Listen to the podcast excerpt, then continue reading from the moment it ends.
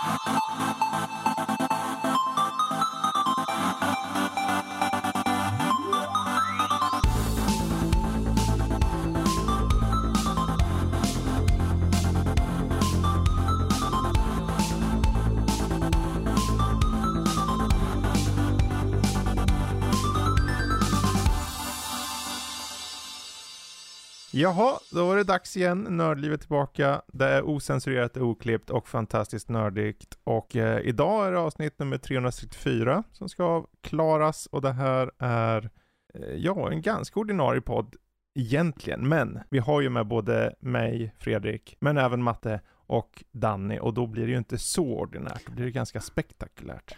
Okej, ja, ja, ja, visst. Ja, det, roliga jag var att, säger det, vi får se om det är så. det, det roliga var att när du nämnde att det var osensurerat så tänkte jag cementera det genom att börja skrika en massa könsord, men jag gjorde inte det. Nej, alltså det är ju osensurerat i våra hårda eh, åsikter om vi saker och ting. Vi skräder inte i Eh, orden, det vill Plus säga... att osensurerat Fredrik, vi- egentligen att vi inte klipper i det mest. Fre- Fredrik, vi, Ja. har, vi har redan haft podden då vi hatade allt ju. Så, Ja, då var vi vi riktigt är lite hårda. hatiska. Vi är ju lite hatiska här i Nördliv. Nej, vi är Nej. vä- väldigt älskvärda personer. Mhm. Och eh, de här älskvärda personerna ska snacka om lite allt möjligt idag. Det blir, eh, ja, allt från eh, knasiga aliens som skjuter i, iväg folk, typ ut i atmosfären, till eh, kulter fyllda av lamm Bä. och eh, änglar som har, står på rad. Eh, Mängder av knasiga grejer. Vi kommer köra som vanligt, det kommer vara Game Pass Roulette. Vi kommer följa upp på spelen vi fick förra gången vi var med och eh, lite månadens spelsläpp. Vi står inför september. Och det är ju kul. Men jag tänker vi kommer börja det hela med eh, kanske att få igång energin lite. Och vad Mm. är då bättre än att köra lite köphyr, kasta i soptunnan. Mm. Vi ska jag hålla det lite kortare nu i början. Vi tar en bara, tänker jag. Mm. Så går vi vidare till nyheterna sen. Men vi har ett par udda alternativ här. Jag tror inte vi har tagit de här. Och eh, alternativen, och för övrigt, om ni inte har lyssnat tidigare, så går det här egentligen ut på att man får fyra, eh, tre alternativ. Och eh, en ska man köpa, en ska man hyra, en ska man kasta åt fanders. Det vill säga, ni älskar ett, tycker ett okej, och sen avskyr ni hela kroppen, varje fiber i avskydelse. Man måste ju välja lite pest eller kolera och det är därför det är kul. Ja. Och vi har fyra typkategorier. Det är Classic Horror Games 2. Vi gjorde de andra förra veckan. Vi har Ett helvete att välja, Open World Madness del 4. Än en gång lyssna förra veckan, eh, för, för föregångarna. Vi har Ett helvete att välja, Ultra Fudged Trilogy Edition 2. Det är också ett namn att bita i. Vi har eh, bara tvåor, filmserier. Ja, så vi har alltså Classic Horror Games, Open World Madness, eh, trilogier och filmserier, bara tvåor. Jag är sugen på bara tvåor. Ska vi köra på det då? Yes. Mm. Yes. Bra, då är det dessa eh, tre filmer. Eh, The Empire Strikes Back. Eh, Gudfadern del 2. Och Sagan om ringen, The Two Towers. Och ni får, eh, jag skickar dem där, så har ni dem eh, tillgängliga. Mm. Ja, det är jag. Mm, det är så ju... en ska köpas, en ska hyras, en ska kastas i soptunnan. Mm. Det var ganska enkelt tyckte jag. Ja, Mm. det var lite... Ja men börja du då. Yes.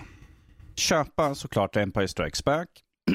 Hyra The Lord of the Ring till Two Towers och så Cassiot Fanders Gudfadern del 2. Mhm. Mhm. Jag köper Gudfadern del 2.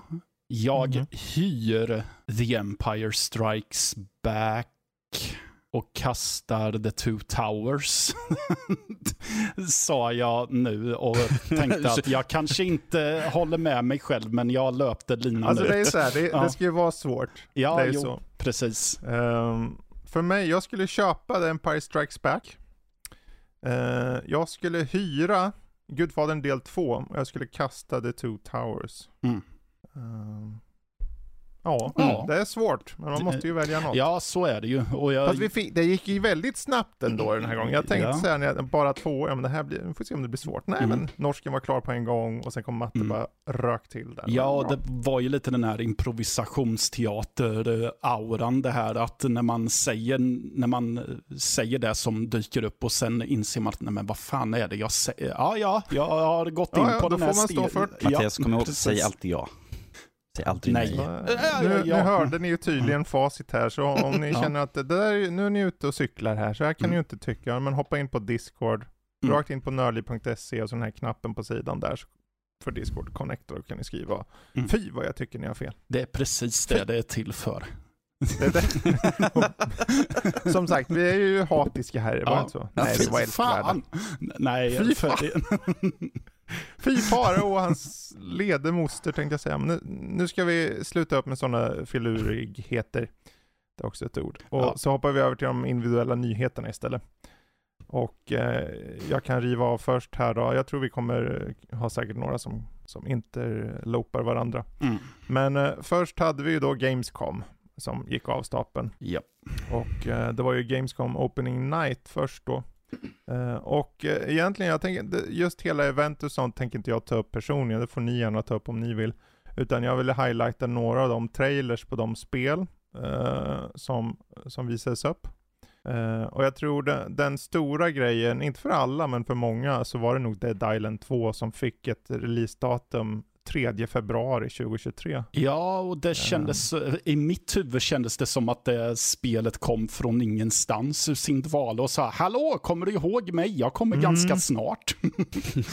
Precis. Ja. Ehm, Ja, det, det, det är Ja. intressant att det, så här, ja, vi, vi satt ju ett gäng och det var ju några bara, jaha, var det allt de slutade med? Medan andra så här, jag bara, ja men det är kul ändå att Ja. det Dead Island äntligen kommer ut. Jag tycker det med. Jag, vart Ja. väldigt, jag trodde inte att jag skulle bli så glad av att se ett livstecken från det som jag ändå vart när jag såg trailern.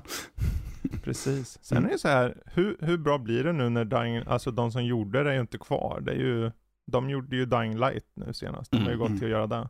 Så, och det vet vi ju inte, vi får se när det kommer där i februari. Mm. Ehm, jag hoppar vidare, de visar upp, eh, förvisso inte en, ett spel, men en ny handkontroll till PS5 som heter DualSense Edge. Och egentligen är det enda som är intressant med den här är ju att all, det är en sån här, fle- lite av en anpassningsbar handkontroll. Så att du kan byta ut knappar och spakar och ha profiler och, eh, och allt vad det heter. Eh, som Elite-controllen då på Xbox. Mm. Eh, jag vet inte, det är okänt när den släpps och det är okänt vad, vad den kommer kosta. Men eh, jag, jag tror det är bra bara att Playstation har en sån. Mm. Så att eh, det blir intressant att kolla på det. Eh, fortsättningsvis, Return to Monkey Island fick datum 13 september. Det är bara några veckor dit. Ja, Ehm, tycker också att det är kul. Eh, har ju, jag har väl svalt hur det ser ut nu lite Mm. också. Och är inte lika emot det riktigt. nej. Så. Och det är så här, det är en akklimatisering bara. Man behöver Ja. vänja sig bara. Så, så här, Ja. Se bortom det och se Ja. hur är berättelsen. För dä- däremot det som gör mig mer pepp, det är ju att när jag såg den här trailern att eh, humorn och så verkar ju vara on point fortfarande. Så jag eh, Precis. är positiv än så länge. Precis. Mm. Ehm, sen eh, New Tales from the Borderlands eh, fick, uh, visades upp och det ska släppas nu i oktober och jag tar upp det mest för att jag körde den här Tales from the Borderlands och det var en av Telltales bästa spel. I alla fall enligt min åsikt då. Det, det är väl. Men många kände att det var bra så att det är kul att de går tillbaka till, till det och att det ser ut att uppdateras betydligt mer sett till motor och, och hur man spelar.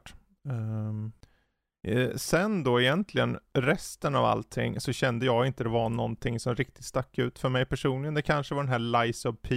Det är någon form av, man spelar som Pinocchio tydligen och eh, det har vibbar av Bloodborne möter eh, gotiskt Mm. lurskap. Jag skrev typ Bloodborne fast med lite mer steampunk-influenser Ja, i mina anteckningar.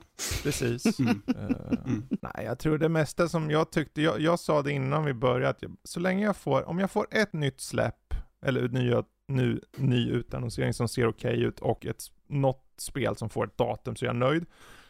Och det var ett par spel som fick datum. Mm. Sonic Frontiers, 8 november till exempel. Eh, annars var det ganska så här, inte märkvärdigt. Eh, och det väl egentligen de jag vill eh, highlighta. Jag vet inte, har ni några ni vill eh, highlighta? Eller om ni har något på Ja, eh, Gamescom? eh, förutom de som du tog upp, eller det var väl mer Mm. Return to Monkey Island där och Dead Island som var eh, två som jag hade tänkt ta upp annars. Mm. Men eh, Under the Waves för mig, eh, Quantic Dreams Ja, nya. just det, just det. Just bara för att det verkade vara så väldigt nedtonat på typ allt. Det verkade vara väldigt mellow typ. Mm. Eh, och ja, Det är ju väldigt tidigt än så länge. Det var ju bara en teaser. Men eh, det lilla jag såg där tyckte jag verkade intressant i alla fall. Och potentiellt att det är något som är lite annorlunda. Ja, eh, ja, men absolut. Så. absolut. Ehm, ja, eh, det var Mm. något spel som hette Blacktail med. Eh, Mm. lite häxor, RPG som eh, jag tyckte att ja, men det, här, det här ser också lovande jag ut. för mig också. Jag tyckte det såg ganska intressant ut. Mm. Eh, för oss gamla rävar så Mm. var det ju ett spel som var lite en kul överraskning och det var ju Killer Clowns from Outer Space, Ja, the game eh, förstås. Precis. Ehm, men sen var det väl också, så jag tänkte Killer Clowns med. Uh, intressant hur de gör med det här asymmetriska, för de det har ju kommit ett gäng sådana spel nu om hur de Mm. gör för att stå ut ur mängden. Men ja, eh, kul ändå med en så relativt obskyr film ändå. Alltså den är, är ju en kultklassiker, men eh, inte alla som känner till den fortfarande tror jag. Och slutligen ett som jag tyckte så, in, ja, men som jag också varit lite sur över att det bara var en teaser och det var Weird Song, Vyrd Song med folk från Ja. Fallout 3, eh, New Vegas och så vidare som eh, ska göra något eh, rollspel tillsammans. Eh, väldigt, verkar eh, ha fingrarna i lite mörka myter och så, men vi fick ju se Mm. väldigt lite av det. Så Mm. mm, min kommentar var typ, coolt gäng, men kom igen! Jag vill se mer. Ja, Mm. ja. Eh, jag vet inte, innan vi går vidare, hade du något Danny på Gamescom? Alltså, jag blev ju lite smått intresserad när det kom det upp uh, Dune. Mm. Tills det kom att det var Open World Survival MMO. Jag bara, ja. Ja, alltså, hade de inte sagt MMO hade jag varit ganska hypad. ja. Mm. Verkligen. Eh, Men sen sa de MMO och då sa jag ja. För det blir, man vet ju att Ja. det blir en viss typ av spel liksom. Det blir en väldigt, tidslängden på spelet kommer ju vara enormt då antagligen. Och, Mm. och kanske grindigt kanske. Men det är säkert kul kanske. Det är bara inte att MMO är riktigt min grej så. Nej. Men absolut. Jag vet, alltså, vad, har ni redan tagit upp de flesta som Mm. jag var liksom, oh det här ser coolt ut sådär. Eh, Jag, jag vill också ta upp något annat där och det var typ det första som visades så det var ju det här Everwhere. Och det var inte att jag Mm. vart peppad eller något sånt här utan jag kom på mig själv med att bli så väldigt trött på en titel som utannonseras. Utvecklarna säger att ah, vi ska göra någonting ni aldrig har sett innan och vi vill göra något som eh, spelvärlden inte har sett. Och jag är lite så här, ja, men då får ni ju visa något litet bevis på det och stoppa Ja, pengarna vart ni har munnen, så att säga. inte varför man ska visa upp det. Men det Nej. Jeff Keel ville ha något att visa upp Ja. och det kända namn bakom. Men det var ju samma sak som det här The Finals som de typ visade Mm. 10 sekunder av och sa att ja men i september får ni reda på mer. Ja men varför väntar ni inte till september för då då? Ja, ett Ja. utannonseringen av en utannonsering. Ja. Det, det som jag tyckte var, alltså det fanns mycket utannonseringar av spel här, men en sak som de utannonserade här på som jag tyckte liksom, ja men Kili, snälla. Vi förstår att du och eh, Kojima Ja. är buddy, Ja. buddy, buddy. Mm. Det är att liksom utannonsera Kojimas podcast. Där de skulle både ha på japanska och en engelsk variant på den. Liksom jag tänkte så här, jag bara, och intresset för det här är dubbar de Kojima i den engelska versionen Ja, precis. då? Man hör han prata i bakgrunden, hans, sen kommer någon sån engelsk röst. hans engelska är ju ganska lackluster så... Ja, Ja. kan det vara så här, kan det handla om så här gentjänster och sånt? För om han är med varje år, Mm. så nästa gång han faktiskt har ett spel, ja men du har ju fått göra reklam för dina poddar och allt vad det är. Nu, nu får du vara här först och utannonsera ditt kommande Nej, spel. nej, nej. Vara nej? Keely, var, Keely vill bara vara med i hans spel. Han vill vara en cameo, det är därför han har med Det var honom. en cameo. Han vill vara en karaktär Ja, ja, någonstans i världen. Ja, Jag, ja. jag tar runder av Mm. Gamescom där och Mm. hoppar vidare till mina nästa. Ehm, och det här är ju frågan, jag vet inte hur intressant det är för er, men eh, det kan ju vara att det påverkar oss. Eh, det är nämligen så att eh, det finns en, eh, en biokedja i eh, USA som heter eh, Regal. Mm. Och det här är en stor biokedja och den går i konkurs. Jaså? Och, eh, och det här kan ju egentligen leda till vissa saker, för det påverkar även AMC-biografer i USA, då de tappar enorma värden, sitt vä- de tappar aktievärde enormt på grund av att det ena föder det andra. AMC äger Filmstaden. Eh, och när det är så här, när, när det ena leder till det andra och, och med mer och mer tapp sett till besökare, för som det är just nu på bio så är det ganska skralt i USA framförallt så kommer vi först se att det blir mer fokus på blockbusters. Alltså det, det, det är en dominoeffekt. Så om USA nu har en, en av deras största kedjor som går i konkurs, så kommer det oundvikligen bli så, ja, men vad ska vi på biograferna som är kvar då visa för att faktiskt få tillbaka pengar? För folk går fortfarande inte och ser. AMC har problem där. De behöver ju fokusera på sp- eh, filmerna som drar in folk och då blir det färre indiefilmer som de tar in och där ger en effekt. Och ja, det sker, det sker i USA just nu. Så frågan då, varför jag tar upp det egentligen, chansen är ju att det letar sig till Sverige. Hur många som faktiskt går på bio i Sverige är ju svårt att säga för mig personligen. Men jag skulle, jag skulle bara uppmuntra folk nu, gå på bio. Vad det än är så hjälper det. För eh, vad det annars kan betyda att det kommer bli färre indiefilmer. Eh, att fler filmer kommer vara blockbusters och det är upp till publik. Eh, och sen är det så här, det här går ju hand i hand med streaming. Streaming har de senaste två åren då exploderat mer eller mindre.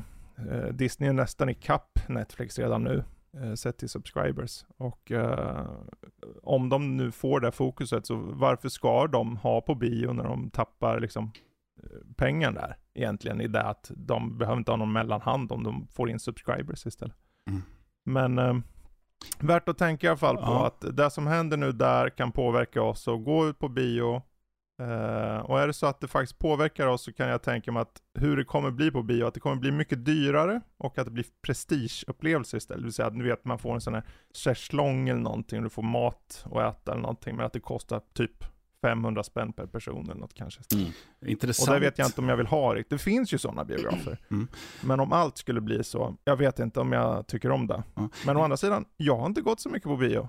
Nej. Så att, Vi, vi såg ju redan där att de gick ju, det här med att de tog att ni får inte ta med godis, ni får inte ta med dryck från oss, nu Mm. måste handla här. Det är ju ett steg, det var ju en grej där att vi måste tjäna pengar, att folk köper grejer här, inte att, så att Mm. vi tjänar in lite mer, vi får in lite mer pengar ju.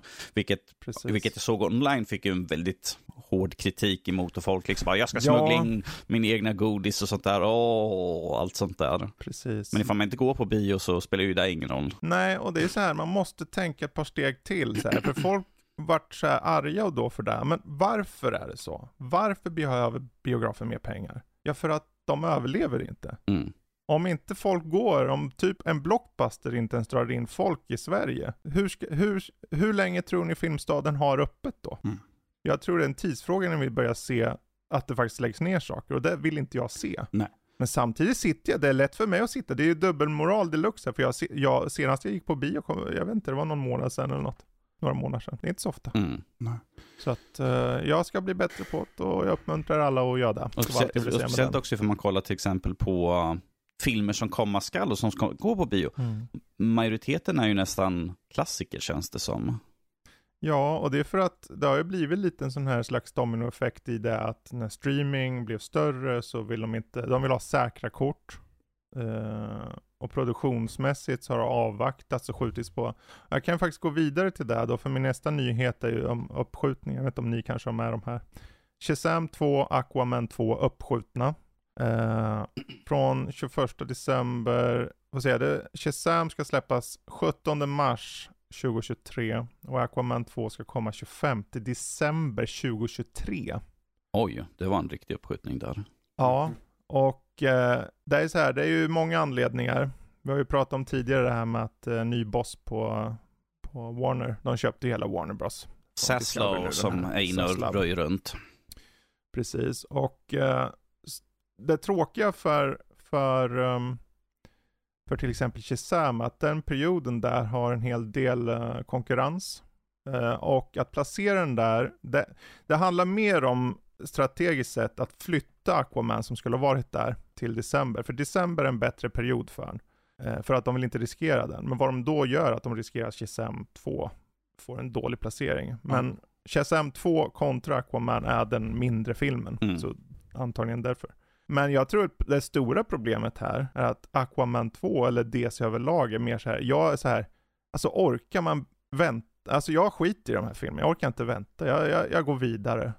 Folks hype, det finns ett bra fönster för det mesta. Det finns alltid hardcore människor som bara, ja men jag väntar hur lång tid som helst. Sen finns det de som tänker, ja men just nu är jag sugen, och sen klingar det av. Folk bara, ja men äh, jag kan se när det kommer ut på streaming. Mm. Och jag tror problemet för de här filmerna, framförallt Aquaman, är att folk kommer vara så här, men 25 december nästa år. Och då har det redan skjutits upp så många, ja, jag, jag ser något annat. Och det, då kommer det släppas en bunt storfilmer också, Avatar-uppföljare och mängder av grejer. Så att, jag vet inte, jag, jag, vet inte, det kan vara ett, ett beslut som de har gjort på grund av att de kanske vill att de ska bara slussas ut och eh, de vill fokusera på vad som komma skall. Men det är tråkigt att se uppskjutningarna i alla fall. Verkligen. Mm.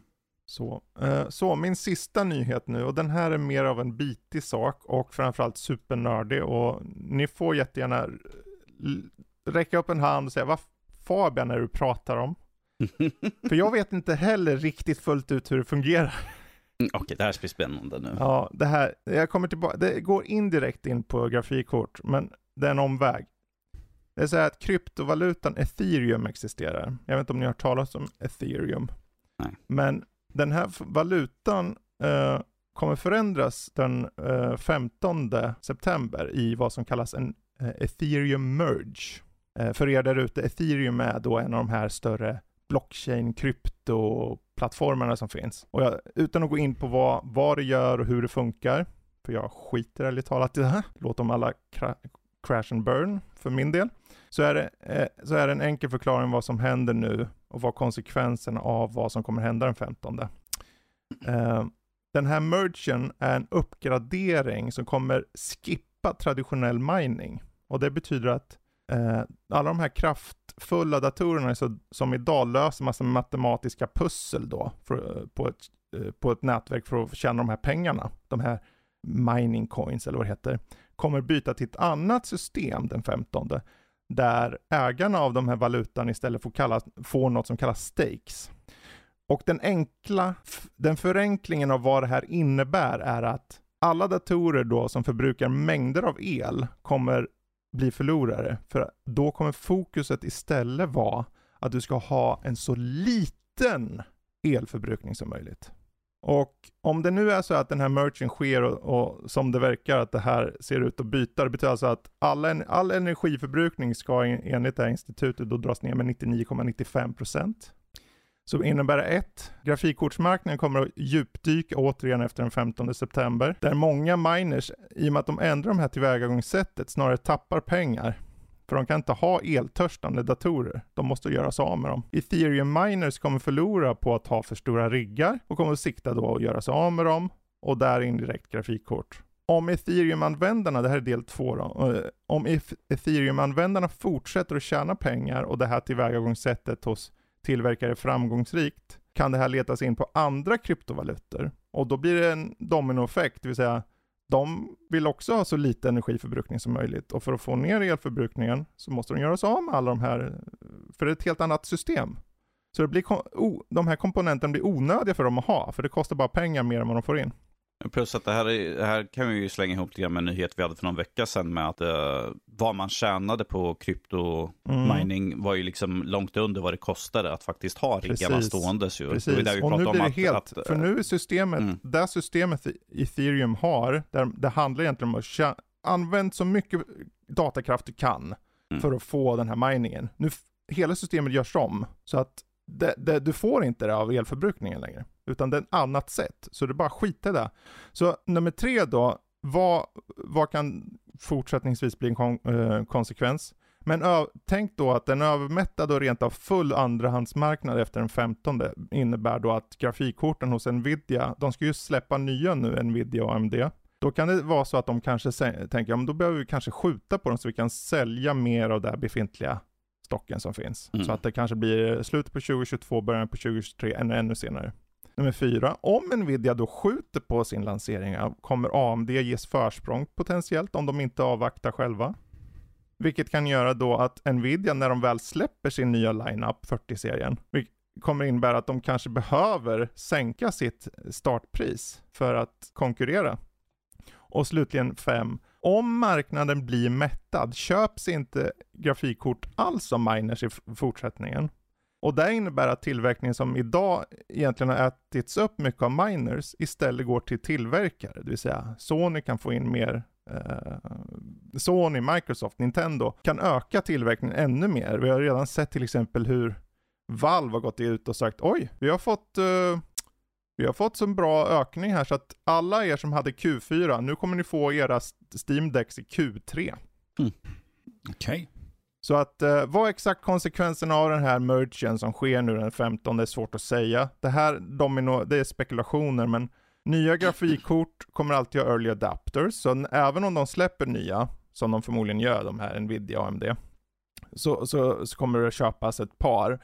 Men om det då om den här första generationen och kommande generation av grafikkort eh, har för höga priser och samtidigt det riskerar att släppas på en mättad full marknad så, så är chansen stor då att de helt enkelt skiter och köper dem helt. Och skiter de att köpa det helt så måste det ju de sälja av för de kan ju, vad ska de göra? Okej, vi har redan kort ute, mm. gamla, vi har nya kort på väg ut. Då kommer de behöva dumpa priserna ännu mer. Det är ett vågspel allt det här och allt handlar om hur den här mergen som det kallas påverkar. Eh, det kan bli att grafikkorten på andrahandsmarknaden blir oerhört mättad. Till och med att folk slumpsäljer alltså 30-70 kort för typ 2-3 tusen. Eller att folk köper allt. Det kan bli att ingen köper, det kan bli att folk nöjer sig med andrahandsmarknadskort. Vi får vänta och se. En sak är säker, det kommer bli spännande att se 15 och framåt vad som faktiskt händer. Ja, jag hör att eh, chansen att ifall de har en riktig price stop på nya kort som släpps så kanske mm. 4060 Here I come. ja. För en billigare ja, slant. det är det där, allt handlar om vad gör Nvidia om det faktiskt påverkar andrahandsmarknaden. Om nu börjar sköljas ut efter den 15 mängder av, man, man, får ju tänka att det börjar oftast i USA och sen sprider det sig hit. Mm.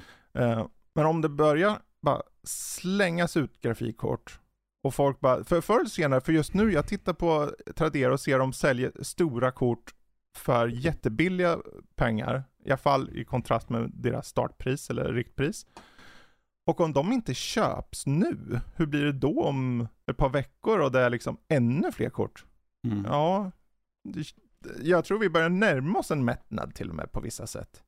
Sen är det så här, om Nvidia kommer, jag vet ju hur det är, om Nvidia kommer och säger nu kommer en ny 4090, 4080 serie och den är så här mycket bättre. Det finns de som kommer bli helt galna och bara, jag måste köpa det oavsett vad det kostar. Det kommer finnas dem. Mm. Men de är egentligen en liten procent av de som köper grafikkort. Och kollar man till exempel, det är ju inte all eh, ett facit så, men på, på till exempel på Steams, den här, där man kan se eh, procentuell mängd eh, användare vars, vilka grafikkort de har, mm. så är det fortfarande 1060 och 2060 som leder.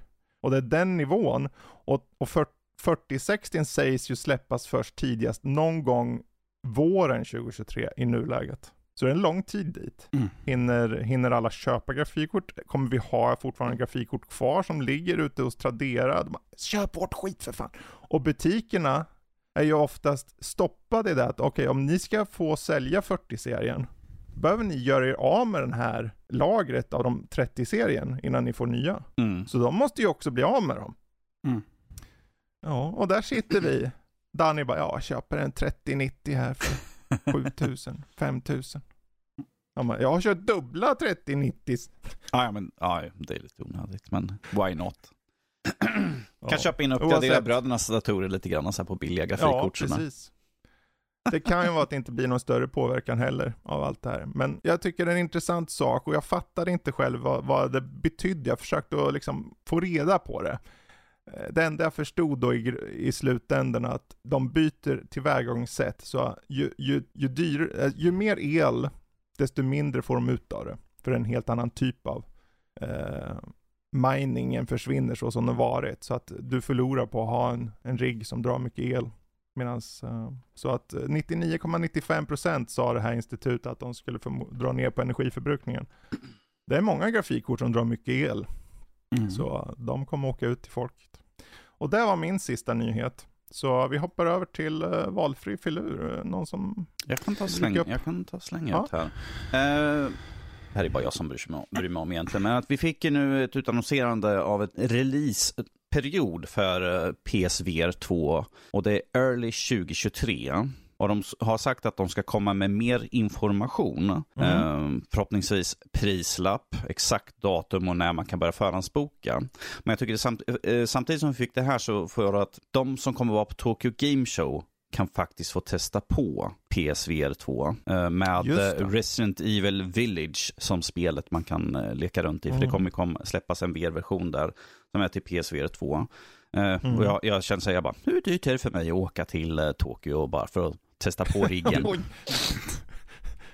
och det är din första tanke? Det var min första tanke. Jag bara, hmm, hur dyrt är det? Och sen en biljett in sådär, bara sen stå i kö i ett par timmar sådär, bara för att testa, sen mm. åka hem igen. Jag bara, ja, nu börjar jag bara vänta på att de ska Ja, men du, det, det gör du på en dag bara. Det är en liten utflykt. Ja, precis. Mm. Uh, jag kan fortsätta med lite fler uh, Sony-nyheter och det här är en ganska tråkig, jag tänker uh, för Playstation 5, att Sony kommer höja priset på Playstation 5.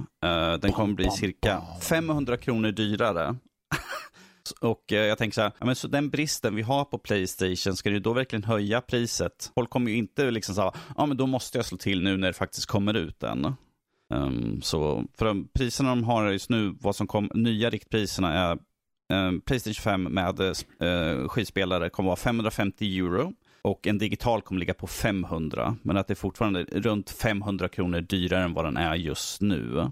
Um, och jag, jag, jag, tycker det här är en väldigt dum idé. Plus att Microsoft gick ut och sa att vi kommer inte höja priset på våra konsoler. Vilket gör att Sony ser ännu sämre ut. Och uh, Nintendo tror jag inte har uh, svarat, uh, gett något svar ifall de kommer höja sina. Men att mm. det är ju, känns lite fel period att höja priset när det är liksom så brist, bristfälligt på att kunna få ja, Jag kanske somnade ut tillfälligt, men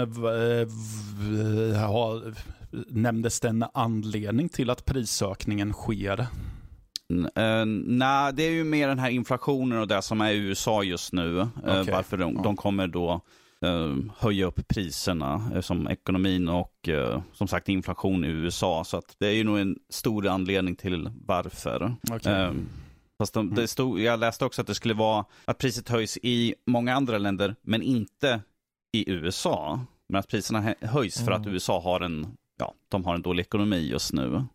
Vi, vi, som sagt, vi såg vi, vi tog, jag tror vi tog upp det för någon vecka sedan, men att uh, Oculus Quest höjde ju priserna också, vilket också känns mm. här. Man bara, okej, okay, ni höjer priset, tror ni att ni säljer fler då? Av den anledningen helt plötsligt sådär att, oh, vi måste tjäna mer pengar. De stackare som faktiskt köper kommer vi klämma ut mer mer summa ur. Man bara, ah, det, vanligtvis brukar man sänka för att kunna sälja mer. Och speciellt Precis. med den bristen vi har på Playstation fortfarande. Ja.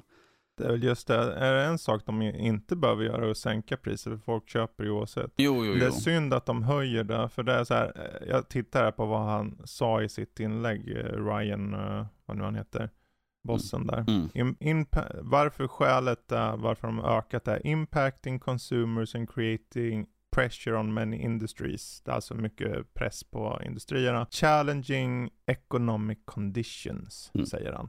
Men, vi kan bara, men vad har ni för några economic conditions? Alltså, Ja, de tjänar ju pengar som smör, ju. smör Men Fredrik, vi kan ju slänga ihop den, din, med din den här uh, kryptogrejen nu. Att ifall mm. grafikkort och som kommer billigare och de kanske inte kommer tillverka lika mycket så kommer ju chip finnas tillgängligt, vilket då kommer leda till kanske en, en större produktion mm. utav konsoler. Så att höja priset då och sen de kanske bara, ja men nu börjar vi kunna slänga ut massvis med, visst de kommer tjäna massvis med pengar men att i det långa loppet så ser det ju dåligt ut ja, ur en konsumentionssynpunkt. Ju. Ja, rent imagemässigt ser det inte bra ut. Speciellt inte som sagt inte. Efter, de, efter att Microsoft gick ut och sa vi kommer inte höja priserna.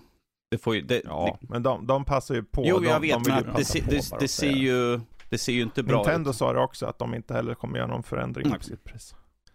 Men ja. Mm. Uh, här, jag såg den här nyheten och jag tänkte att det här är den dummaste saken jag har hört på länge. Sådär.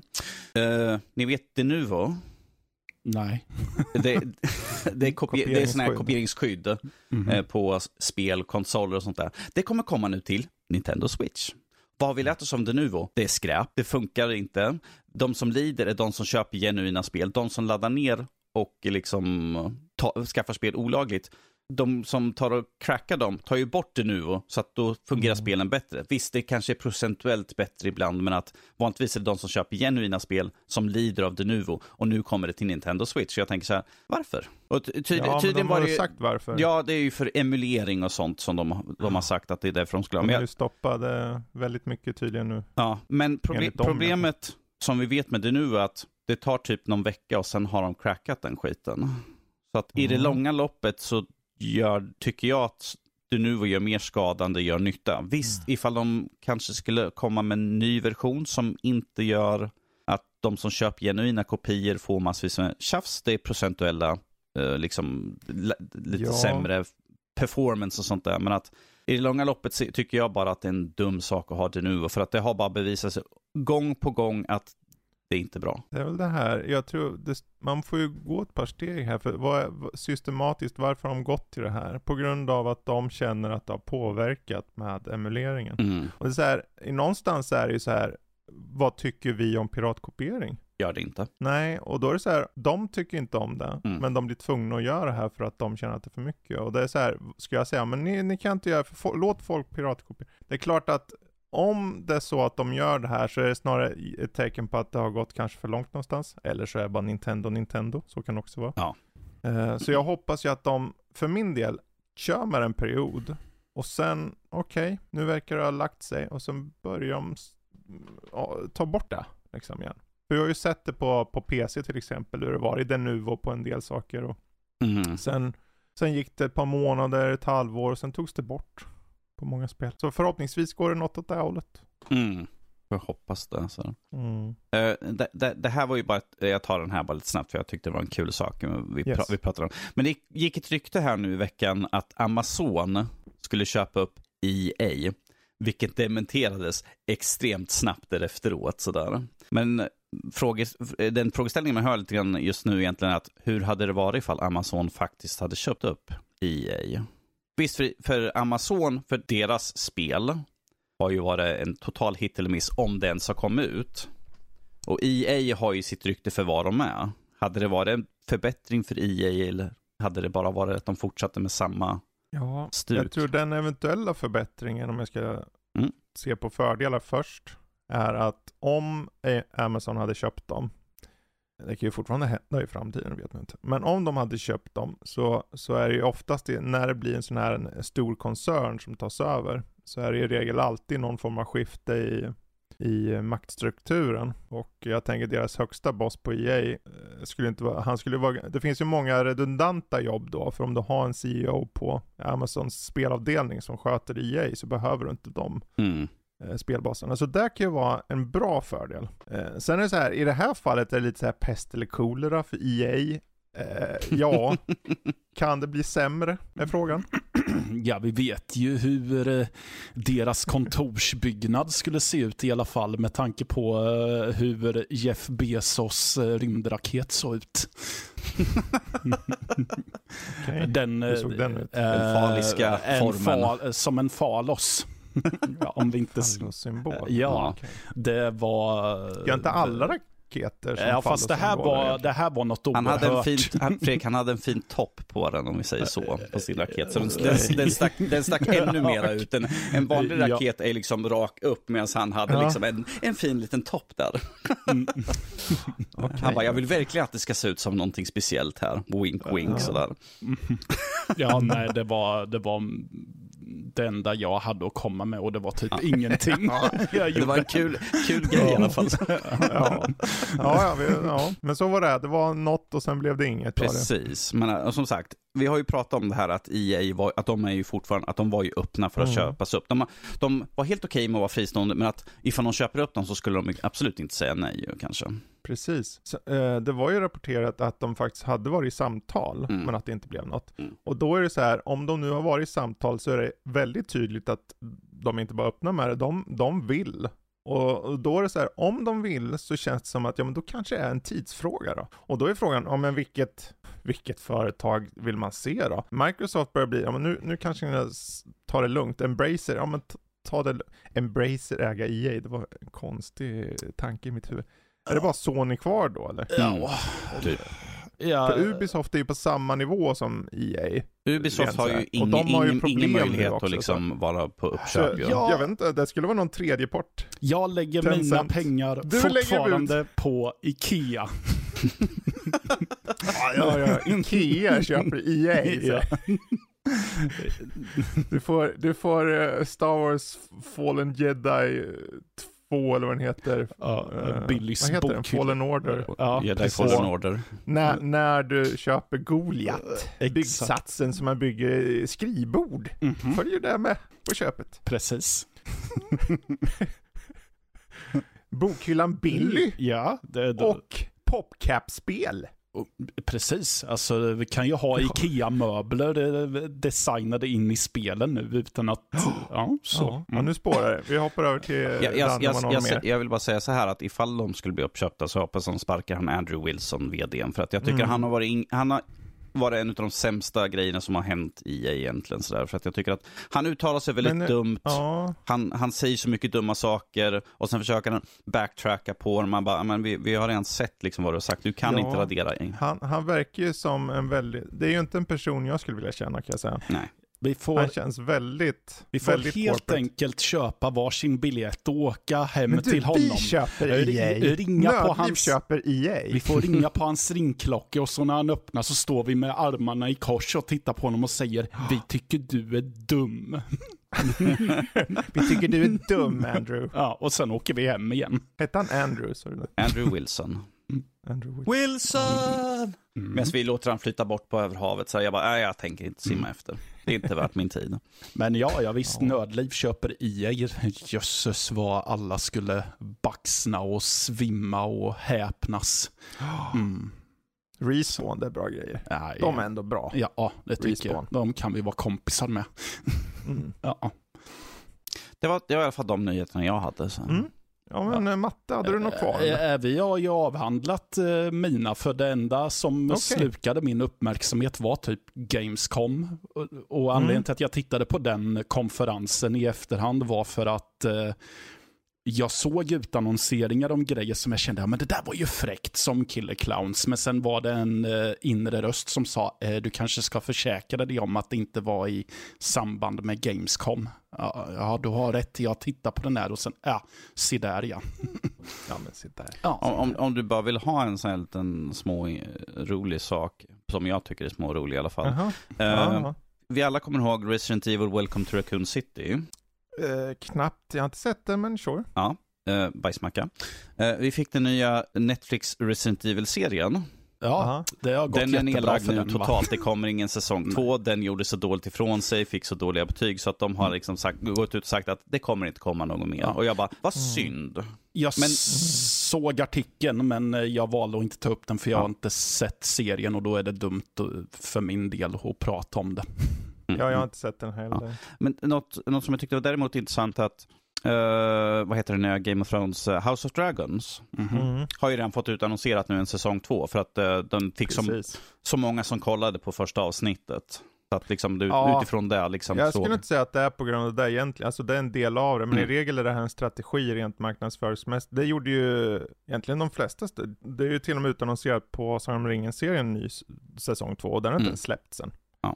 Jag hade inte ens koll på att House of Dragon avsnittet hade släppts. Den hade 20 miljoner tittare första avsnittet. Jag är Mm. väl inte förvånad, även om jag kanske är det lite grann. Om, om vi säger så här, det här är i alla fall bra för, för Warner nu i alla fall, att de har någonting som faktiskt gör bra Mm. ifrån sig. För vi ser ju liksom film, som sagt, filmen har skjutits upp jättemycket. Eh, Tv-serier har Mm. lagts ner, de har, eh, han har ju han har ju tagit och liksom stängt ner massvis. Eh, massvis med Mm. serier plockar han bort för att då slipper han betala, eh, vad heter det för någonting? Alltså när, när de eh, och sånt sänds så får ju de som har skapat dem får en pengar liksom för att det visas upp på deras eh, streaming service. Så han tar och plockar Ja. bort massvis, behöver inte han betala ut de här pengarna till dem. Serier som Ja, kanske har jättefå som tittar på dem. Så kanske sporadiskt Mm. någon tittar på en del här, någon tittar på en del. Han, han har ju kapat massvis, jag vet inte hur många serier som har liksom blivit strukna. Mm. Um, Inga royalties Ingen för dem. royalties här, nej, för att han ser liksom vi måste spara pengar. Jag såg också det var någonting att vi har typ råd att göra tre storfilmer liksom per år. Okej. För att, för att just nu har de, det är sån förändring eh, på Warner just nu. De har ju sparkat Ja, vi massvis. pratade ju om det förra veckan. Precis, de har ju sparkat massvis. Så att det, vi får ju vänta några år och se hur, hur bra det kommer bli det här med att de har slått ihop sig. För att nu ser vi bara liksom den, de stora förändringarna med att tv-serier, filmer och sånt, det tar ju ett tag att få gjort. Och se ifall de faktiskt Mm. får in folk som kan göra saker som faktiskt säljer. Mm. Ja, de kommer nog vara hårda med vad som görs. Det är Mm. väl det. De hade ju precis uh, bundit upp Matt Reeves på ett gäng projekt. Mm. Eh, han har fått en jättebra deal. Och det är bra, för han behövs tror jag. Eh, och det har ju ryktats nu om en, eh, en showrunner för hela DC. Justin Lin vart, eh, har ryktats om. Really? Eh, Att han ska bli Kevin Feige för DC. Men eh, det har inte bekräftats än. Ja, jag skulle inte, Men, jag skulle inte tacka nej ifall Justin Lin skulle ta över sådär. Han är ju bättre Ja. än vad som har varit hittills i alla fall. Ja, vi får se om det hinner bekräftas till nästa vecka. Men vi Mm. rundar av nyheter där Yes. och uh, uh, tänker vi tar, vi tar både Game Pass Roulette och morgonens spelsläpp innan vi går in på vad vi själva spelat. Eh, och vi kan ju börja med morgonens spelsläpp. Um, Danny, vad, har det släppt? Eller vad kommer släppas i september som är värt att hålla utkik efter? Vad som kommer släppas här nu. Vi har ju, jag ska bara scrolla så att jag är på rätt datum. Vi har nu i början på månaden så har vi ju The Last of Us Part 1, remaken, eh, som släpps. Den andra är ju en av de större, ifall jag säger så, där de har uppdaterat med eh, och lagt till funktioner från eh, del 2. Alltså uppgra- uppgraderat modeller och allt sånt där, hela faderullan ser jättesnyggt ut mm. sådär. Eh, frågan är bara, behövs det? det? Det, här är en eh, remake på en remaster, ifall vi ska vara så. Så det är tredje gången de släpper den. Inget behövs någonsin. Nej, precis, jag vet. Egentligen. Ehm, för Nintendo-nördat ut så har vi Splatoon 3 som släpps den mm. nionde. För Mattias, är, för Mattias är det Lovecrafts Untold Stories 2 som släpps den 13. men, men viktigast för Matte är ju Return to Monkey Island som släpps den 19. Mm. Ja, du får vänta en liten mm. stund till. Eh, Grounded släpps ju den 27 i skarp utgåva nu. Den har ju funnits precis. i typ Early Access ja. eller vad jag kommer inte ihåg vad den heter på Xbox. Ja, precis. Preview. Um, det vad det um, kallas. På Xbox. Vi har ju även Valkyrie Elysium som är det femte spelet i Valkyrie-serien eh, från Square. Som släpps den 29. Kanske finns folk som vill se vad som komma skall. Mm. Eh, och för Fredrik så var det här Railgrade, en tågsimulator mer eller mindre, Ja. som släpps den 29. Precis, här miniatyrkänsla, lite Märklin-tåg. Du har som en liten, eh, du har ett bord och på bordet så har du små eh, fina vägar som du lägger ut. Och det är lite mer contained så, Ja. ser det ut att vara. Eh, Men det är absolut, det är ett bra par förslag, eller spel att hålla utkik efter. Jag tror Mm. för, för Max vet jag att eh, Metal Helsinger som släpps den 15 september är eh, ett som han kommer att hålla utkik efter. Och jag tror för många andra också. Mm. Kombinera metal med eh, snabb eh, action helt enkelt. Typ alla Doom Mm. Quake. Precis. Ja, Som, Ja, som sagt, det är lite blandat där ju, så att man får ju lite Mm. grann av alla genrer egentligen sådär. Precis, jag kan ju tipsa, det här kan ju bli hit or miss, men den 7 september släpps ett spel som heter Trail Out. Och Trail Out tänkte jag först, men vad är det här? Och kolla trailern och tänkte, men vänta här. De här utvecklarna har rippat av fullt ut ett spel som heter Flatout. Ja, just det, det här pratar vi om ja. eh, och det är alltså då, eh, man åker bil eh, och eh, antingen på race runt banor och det är en fysikgrej då som gör om du kör på grejer så kan din gubbe flyga ut genom framrutan. Och du har även i speciallägen minispel där du kör på liksom, eh, säg att du med flit ska få din gubbe att flyga ut genom framrutan för att träffa bowling, ja, eller käglor och en dart darttavlor och sånt. Ja. Och allt det här är rakt av från Flatout 2. Alltså jag de, sitter de bara och bara... undrar. Jag sitter bara och undrar varför är det först nu jag inser vad det här är för typ av spel. Det här ser ju potentiellt skitkul ut. Ja, ja. Mm. Och det är, men det, det är intressant att de här uppläggen som de har, är, till och med bowlingen och, mm. och darttavlan, det är ju det är ju nästan, det är ju plagierat av Flatout. Plus, ja. plus Fredrik, de hade ju samma typsnitt och allt sånt där också i trailern. Ja, ta, typsnitt och allting. Mm. Men det är ju så här, ett, ett roligt koncept kommer alltid funka någonstans. Jag tror Flatout-serien dog ut egentligen. Trean och fyran var skit. Mm. Eh, och det kan vara värt att hålla utkik efter. Jag tror inte det kommer vara dyrt heller. Om det är bra fysik i För där Flatout gjorde bra var fysiken. De gick ju vidare och gjorde ett spel som heter Wreckfest efter det. Det är ett oerhört bra bilspel. Ja. Mm. Så det, mycket hänger på det. Men annars är det konceptuellt. Plus att de skulle ha en story-kampanj i Trailout också. Jaha. Ja, ja. Hur nu det funkar. Men det här var ett par tips eh, av spelen som kommer komma i september och värda kanske hålla utkik efter. Ja. ja. Um, så tar vi helt enkelt och hoppar in på uh, Game Pass Roulette istället. Hell yeah. och Game Pass Roulette är ju Eh, jag vet, jag vet inte om man ska kalla det lek eller vad Fabian kallar det. Det är som ett utforskande av spel lite indirekt. Och det går ut på att på Game Pass så finns en överraska mig-knapp och trycker man på den så slumpmässigt tas det fram då spel. Och vi tar fram tre spel, säg att jag börjar med matte, då får han tre spel och ska han välja en och till nästa gång han är med, då har han testat det. Så mm. får vi se vad han tycker. Uh, och det är egentligen allt. Det är bara ett roligt sätt att vidga våra vyer på olika spel ja, och genrer. Ja, testa, Ibland kör vi mycket, ibland kör vi lite. lite. Det är upp till oss, men vi känner på det, smakar på det lite. Så mm. lite. Mm. Eh, någon som känner sig manad att få eh, först? Jag kan börja. Ja. Mm. Ja, men då så. Då trycker jag på överraska mig-knappen så mm. snurrar det här så ska vi se vad det landar på. Då har Teenage Mutant Ninja Turtles Shredders Revenge har du kört? Ja, jag körde det med dig. Mm. Yes. Vi körde igenom hela spelet. Uh, Total War, Three Kingdoms, den har du inte kört. Uh, nej, ja det var han säker Nej, jag har inte kört den. den har du inte kört? Nej. Ja, uh, bra. Sen har vi Dragon Quest Builders 2. Det har jag inte heller kört, nej. bra, bra, bra. Och slutligen har vi Aragami 2. Det har jag inte heller kört. Mm. Ja, vilken av de tre känner du att du vill? Total War, Aragami 2 och vad var den sista? Uh, Total War, Dragon Quest Builders 2 och Aragami 2. Yes. Alltså det är väl kul om man testar någonting som inte är så självklart för ens persona, så att säga. Så jag tänker faktiskt ha Dragon Quest Builders 2. Mm. Ah, vad mm. kul. Mm. Ja, ja men uh, det, det, det, har jag faktiskt kört. Jag tyckte det var okej okay för vad det var. Okay. Men vad du tycker om det, det blir ju väldigt intressant. Ja, jag är inte så mycket av en byggare, så vi får ju se vart det hamnar, ja. om man säger så. Ja, mm. precis. Mm. Bra, men då hoppar vi till Danny då, så tar jag trycker på knappen och eh, det första spelet som du får som förslag heter Exapunks. Uh, det är faktiskt ett spel som släpptes häromdagen i en spelande stund. Mm -hmm. Och sen har vi spelet som heter The Forgotten City har du kört uh, Han recenserade ja. väl till och med, eller?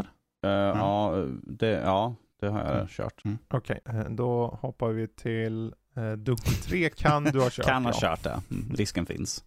Uh, Solasta Solasta. Crown of the Magister. Yes.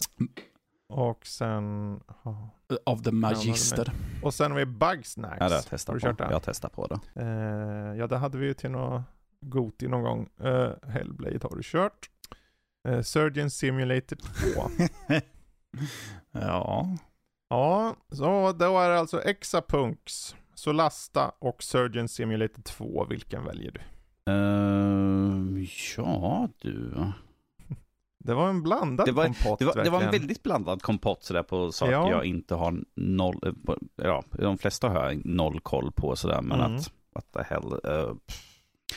jag kan väl ta och köra, ja, jag kör på Surgeon Simulator och se hur, hur illa ställt det kan vara för mig. Och, Oj, Ja. ja. Jag, Hjälpa människor. jag recenserade det där. Mm. Ja, det gjorde du ju. Ja. Det var det och något annat spel jag för mig det var valde mellan. Och jag kommer inte ihåg vad den andra var. Men det var någonting du ojade. Ja, tur jag tog den här och inte det där. Ja, det var, ja, det var Avengers var det. Ja, det var Avengers-spelet. Okej. Nej, det var Ja. därför jag tog den. Mm, Ja. Det är ditt fel alltså, Matte. Det hade kunnat vara i Surgeon Simulator, men nu vart det, ja. Men då är det min tur, eller otur beroende på hur man ser på det. Och det första spelet som dyker upp heter, ja, det heter Eh, ingenting. Det heter Disney-slott. Ja, där. nu, det- det nu kom det upp. Det där är ju det jag hade förra veckan. Disneyland. Adventures. Mm. Men då tar jag skippa det, för annars blir det kaka på kaka då. Mm. Ja. Antar jag, för du ska väl prata om det idag då? Nej, alltså jag Ehm, pratade om det förra veckan. Mhm. Okej, Mm. Dishonored har jag kört, så det är inte vad jag hoppar. Uh, Medieval Dynasty igen, var det inte någon som hade kört det? Jo, Danny. Som fick det? Jag körde den. Mm. Ja, då skippar vi den.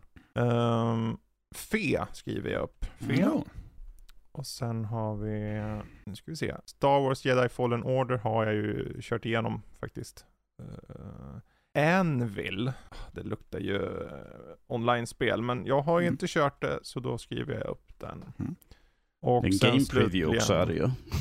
Ja, så det, det var bara en preview också Ja. ja. Okej. Alien Isolation har jag ju faktiskt kört. Uh, förvisso inte kört igenom, men Slime Rancher har också kört. Uh, Plants vs Zombie Garden Warfare kört, tyvärr. Rocket Arena har jag inte kört.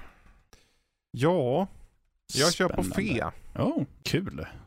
Kör jag på. Mm. Uh, så får vi se hur det är, helt enkelt. Det var- Så Dragon Quest Builders 2 för Matte, Surgeon Simulator 2 för Danny och Fe för mig. Så får vi se nästa gång vi är med Eh, hur det var. Vi Mm, förväntar helt oss enkelt. bara stordåd. Ja, Mm. men vi kan väl hoppa till förra gångens stordåd genom att hoppa Mm. in på vad vi spelat och sett och så. Jag tänker jag kan ju ta, eh, jag tar tassen i näven tänkte jag säga. Eh, första ordet här, för jag fick ju på Patrol-filmen Äventyrsstaden kallar. Mm.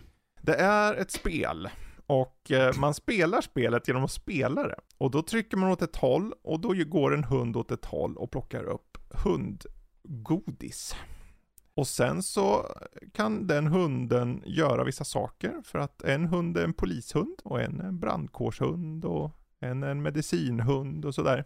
Och, och även om de alla hundarna kan göra olika saker så är banorna bestående av första segmentet när man letar eh, hundgodis. Och när den är klar, då åker man på en bana. Det är som Hugo, ni vet man åker på rälsen och man trycker i rätt ögonblick åt vänster höger. Mm. Exakt så. Och du ska plocka hundgodis. Och sen är det något minispel på det ibland.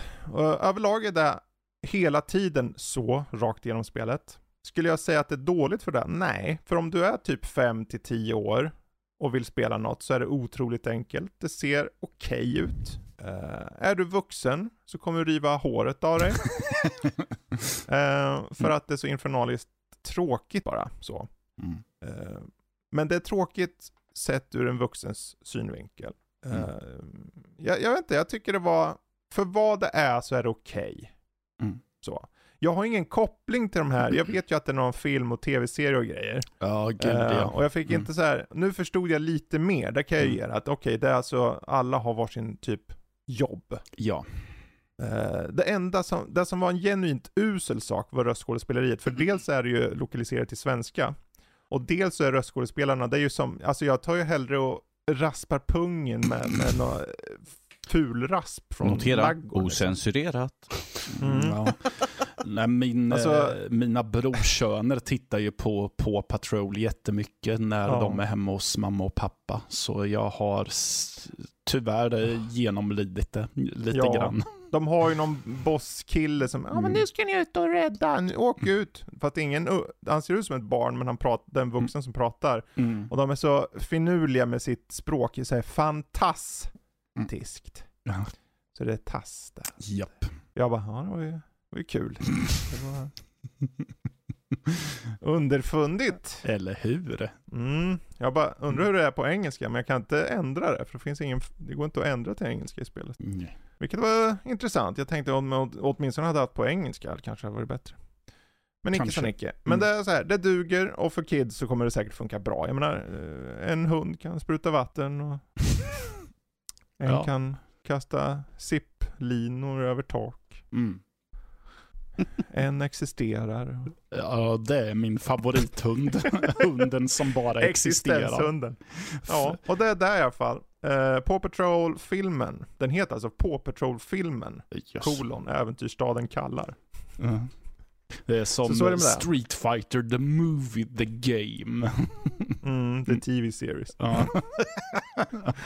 Ja. Mm. Eh, någon annan då? Någon som vill ta ordet? Jag kan ta ordet med, eh, jag fick Piku Niku. Ja just det det, enklaste Pickunick, namnet att säga. Piku Niku. Eh, som är ett plattformspusselspel. Eh, lite utforskande också, där man spelar som en liten, en liten röd boll med ben.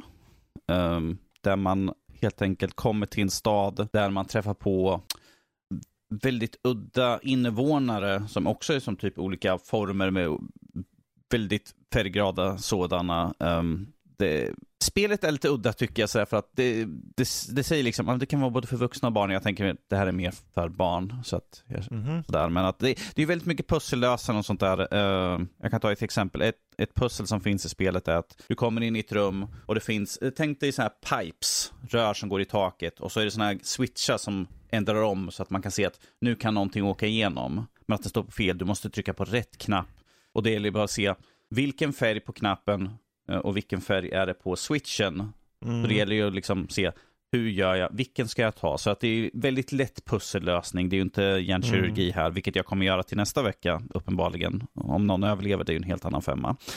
Ja, hjärnkirurgi deluxe nästa vecka. precis.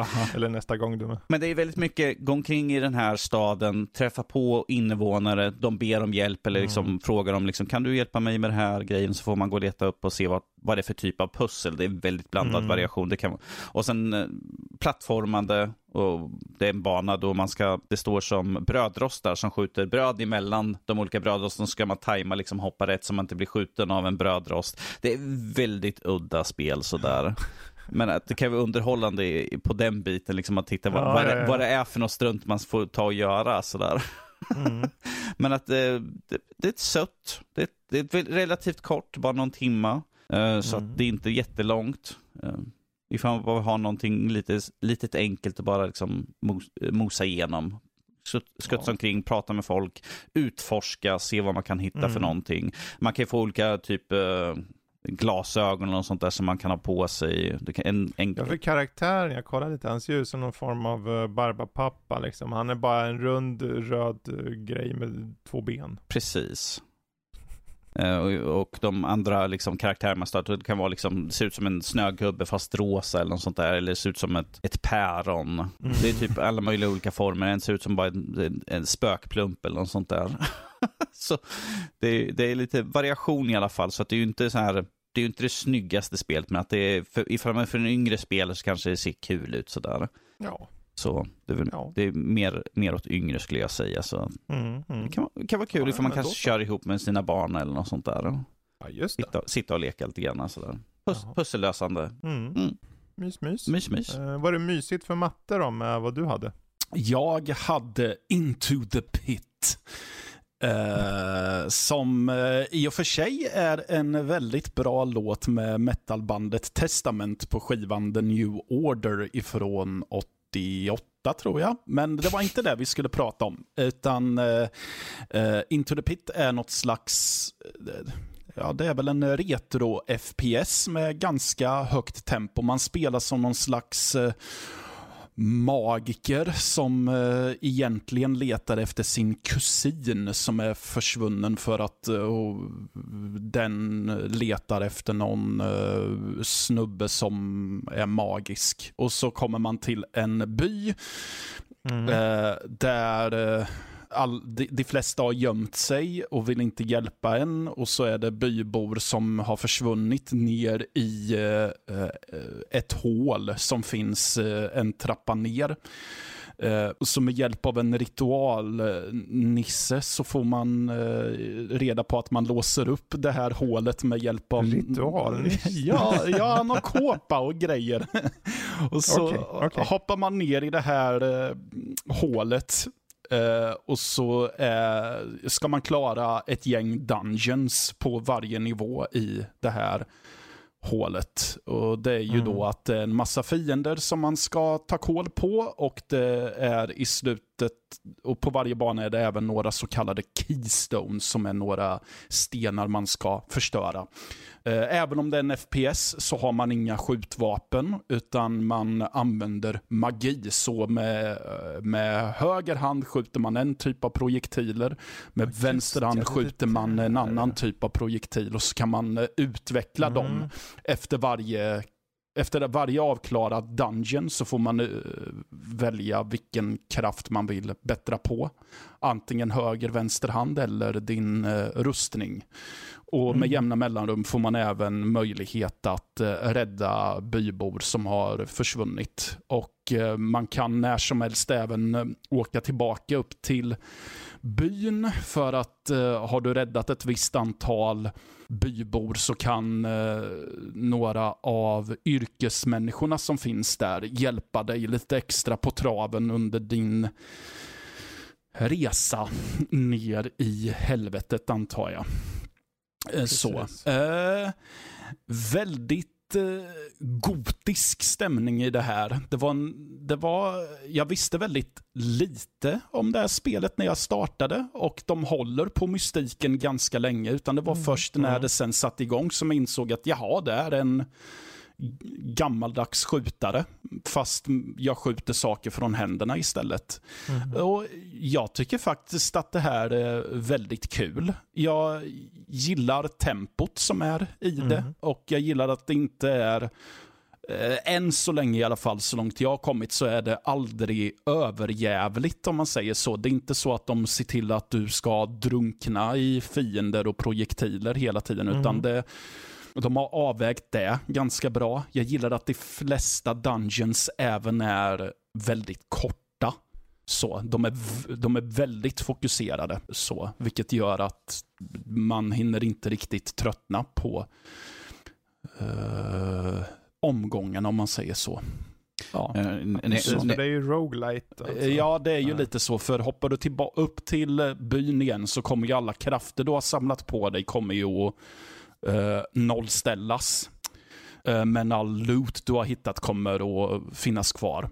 Uh, vilket betyder att hoppar du ner i hålet igen så kommer du att få börja från, det är ju uppdelat i olika djup då. Så då får du börja på djup 1 igen och ta det därifrån. Så. Mm. Mm. Jag tyckte att det såg ut som en lite grann av en ny version av häxen eller något sånt där. Ja, men eh, ja. Eftersom du, du, använder, du använder ju inte liksom vapen och sånt, det är mest magi och sånt, vilket mm. häxen var lite grann du använde spells. Visst, du hade ju några sådana här trollstavar och sånt ju, men att det ser ut som man håller händerna framför sig så här hela tiden. Mm, ja, ja, ja, men precis, lite så. Men att det, uh. det, häxen var ju inte roguelike, utan det var ju FPS ju. Ja, och det är ju så att du uh, vänster musknapp sköter ju vänster hand och höger musknapp sköter höger hand. Och så. Ja. Men eh, jag, jag tycker faktiskt att det är väldigt kul. Det var väldigt, mm. det var väldigt right up my alley kändes det som. Det För på ett sätt så kände jag att det var uh, Uh, först var jag lite såhär, jaha, ännu en retro-FPS. Men jag tyckte att de hade, det kändes som att de gjorde något eget med det. Och jag gillar mm. just det här, den här mystiken med ritualer och uh, runor och, att, och lite så. Så det, ja, jag lär nog förmodligen köra vidare på det tror jag. Ja men det är ju det här som är så kul med, med Game Pass Roulette. Ibland så blir, slår det av ett skott som skjuter rakt i huvudet och Ja. då faller ihop död. Men ibland, Ja, då är det någonting riktigt, riktigt nice. Och alltså jag hade, jag hade inte hört talas om det här innan överhuvudtaget. Nej, Hade jag inte. Jag vet inte ens när det släpptes. i oktober i fjol. Jaha, se där. oktober. Ja, ja. Ja. Vem Mm. vet, kanske hade kommit någon vart på Gothia det året. Eh, Kanske, Ja. men eh, ja, det släpps ju så fruktansvärt mycket spel varje år. Så. Jo, det gör ju det. Ja. Det gör ju det. Mm. Bra, bra. Into the pit. Mm. Eh, säger vi och hoppar vidare. Jag funderar på om jag ska riva av det här Destroy All Humans kanske. Eh, Mm. Men Fredrik, Destroy vad är det? Humans 2. Ja, jag nämnde ju lite med en alien som åker runt eh, där i inledningen och det är så här. Det här är ju uppföljaren då, det är en remake på uppföljaren som kom för många år sedan. Mm. Så Destroy All Humans 2, Reprobed heter den här versionen då. Eh, och man spelar igen då som den här Krypto som eh, Alien heter och egentligen så är ju upplägget ganska enkelt. Det kommer in ryssar i bilden och ryssarna är elaka och du ska stoppa dem. Ja, och därefter då så tar du från stad till stad. Eh, först är du i USA och sen hoppar du till England och sen så hoppar du till typ Japan och sen har vi Ryssland och kanske lite andra ställen. Eh, och det utspelas på 60-talet så att eh, det är ju väldigt mycket hippie och tendenser, särskilt i USA då, och det gör, de spoofar lite sånt. Och du som alien då har ett gäng olika krafter. Dels har du ju ditt strålvapen som du kan skjuta disintegrate-skott, så det blir bara skelett som står kvar. Du kan eh, lyfta upp folk med telekinesi och slunga dem ut i atmosfären. Eller så kan du analsondera dem. Du kan anal-proba dem. Eh, Ja. Och, eh, Du kan även ta faktiskt och eh, ta deras utseende. Mm. Du Liksom, plupp, så blir han och ser ut på ett visst sätt. Och det är ju mer fokus på gameplay här. Det, är liksom, det, det finns mycket referenser, 60-talsgrejer och James Bond refererar dem konstant hela tiden. Eh, och många gånger funkar det okej, många gånger blir det lite tjatigt. Men överlag så, när gameplayet är så här solitt så går det inte annat att säga, men det, har man varit ute efter just uppföljaren så är det ett säkert köp liksom. Eh, det kostar inte så mycket, typ 40 euro eller någonting på, på Steam. Eh, och, och det är ju så här putslustigt och lite knasigt på ett skönt sätt. Ehm, särskilt i USA när det är mycket så här. Du har till, till exempel ett vapen och skjuter iväg ett skott som gör att folk dansar. Discodans typ eller vad det är. Okej. Eh, och då är det lättare för dig, för du, kan ju, du har ju mängder av saker du kan göra. Du kan till exempel eh, skjuta en grön liten stråle som ploppar ut deras hjärnor. Mm, Ja. Eh, till exempel, och du, då får du mer energi för att ta den i hjärnan. Den Mm. ligger där och hovrar över marken som en grön stjärna i luften. Eller en grön hjärna i luften liksom. Så, och sen kan du hoppa upp i din, ditt ufo såklart också. Och så kan du flyga runt och liksom demolera hela huset. Bara rasera och bli mängder av rök och folk springer runt skrikandes och så. Ehm, så det, det är ett solitt spel. Mm. inte, den här gången kan man köra i co-op också. Okej. Delad skärm. Mm. Ehm, Inte online alltså. Nej, Mm. bara, bara lokalt. Okej. Ehm, eh, tyvärr. Men eh, jag vet inte, jag tycker det, det, det fallerar ju mycket på grund av att det blir ganska same same Du gör, i, I slutändan är varje uppdrag, gå hit döda den här, gå hit döda den här, gå hit döda den här. Du får ju prata med folk och du, ibland är det till och med att du pratar med folk som att du behöver ju ett visst typ av dialog för att komma vidare. Mm. Ehm, och failar du så förlorar du bara och får starta om. Ehm, ja, det, det är väldigt rätt fram så. Mm, det låter som det. Mm. Ja, jag menar, vem vill inte analsondera mm, folk? Det är väl det man lever för. Det är väl det första tanken man har när man har kommit till världen. Det är att jag ska analsondera mänskligheten. Mm. Vi får tänka på det när vi köper EA sen så vi kan göra sådana spel när man har analsonderingssimulator Ja, det- eller någonting. Den frågan vi ska ställa oss egentligen. Vilket företag kommer att analsondera EA? Nej men gud. ja, nej men eh, det är så här, gillar ni föregångaren så är det ett säkert kort. Faktiskt. Det är Mm. ett säkert kort. Eh, det släpps nu den inspelande stunden 30 så den släpps på tisdag. Ja, bara att hänga på låset helt enkelt. Ja. Mm. Hang on the lock. Hang on the lock. Ehm, Ja men du, när, vi ändå, när du, du säger ord där Matti, jag, jag är nyfiken på det Cult of the Lamb. Bä. Eh, ja, Cult of the Lamb. Vi spelar som ett litet stackars sött får som i början av spelet Åh. ska offras till en, eh, enligt fyra stycken gudabilder så är, ska man offras eh, för att ja, men, se till så att en annan entitet inte kommer till jorden och börjar skapa oreda tydligen. Eh, av någon anledning. Ehm, så. Eh, så när man offras så kommer man till dödsriket och då träffar man den här fjättrade entiteten som också ser ut lite som ett får. Och han eh, säger att eh, nej, du kommer inte att vara död för jag har valt dig till min eh, vässel, eh, utvalde. Eh, så man eh, får he- helt enkelt då i uppdrag att man ska starta en sekt till den här entitetens ära. Som sig bör. Ja, så i en glänta så har man sin bas, man bygger ett tempel och man eh, kommer ju hitta lite mm, eh, varelser som vill ansluta sig till sekten. Mm. Eh, och då får de flytta in där och då ska man ju se till så att de har någonstans att sova och så uh, har man matat dem så är det en väldigt stor risk att de kommer att bajsa så då måste man städa upp bajset så att de inte blir sjuka av att det är en massa avföring överallt. Eller att de börjar gnälla på att det är smutsigt och att uh, du allt får se till att börja städa upp här. Lite. Och så eh, har man ju som sagt sitt tempel där man gör ritualer som ger en mer krafter och så kan man bestämma saker över följarna som att ni ska fasta i två dagar för då slipper jag mata er eller så kan man hjärntvätta dem så att deras lojalitet är lå- låst på max under ett visst antal dagar. Så då Okej. slipper man tänka på att vara dem till lags dessutom. Eh, Så det är ju lite basebuilding här då. Eh, Men vi har även lite dungeon crawler element för man kan ge sig ut på sina korståg. Och de är då kommer man in som i dungeons där det är slumpmässigt genererade miljöer och eh, fiender. Och så ska man eh, mörda alla fiender med de vapen man hittar. Och eh, Mm. man ska luta eh, saker som finns i kister. Det, man kan även stöta på karaktärer som eh, hjälper dig på traven genom att ge dig tarotkort som, du, som gör att dina färdigheter utvecklas och så. Och eh, du kommer även besegra lite bossar. Mm. Och allt detta leder ju då upp till, för de här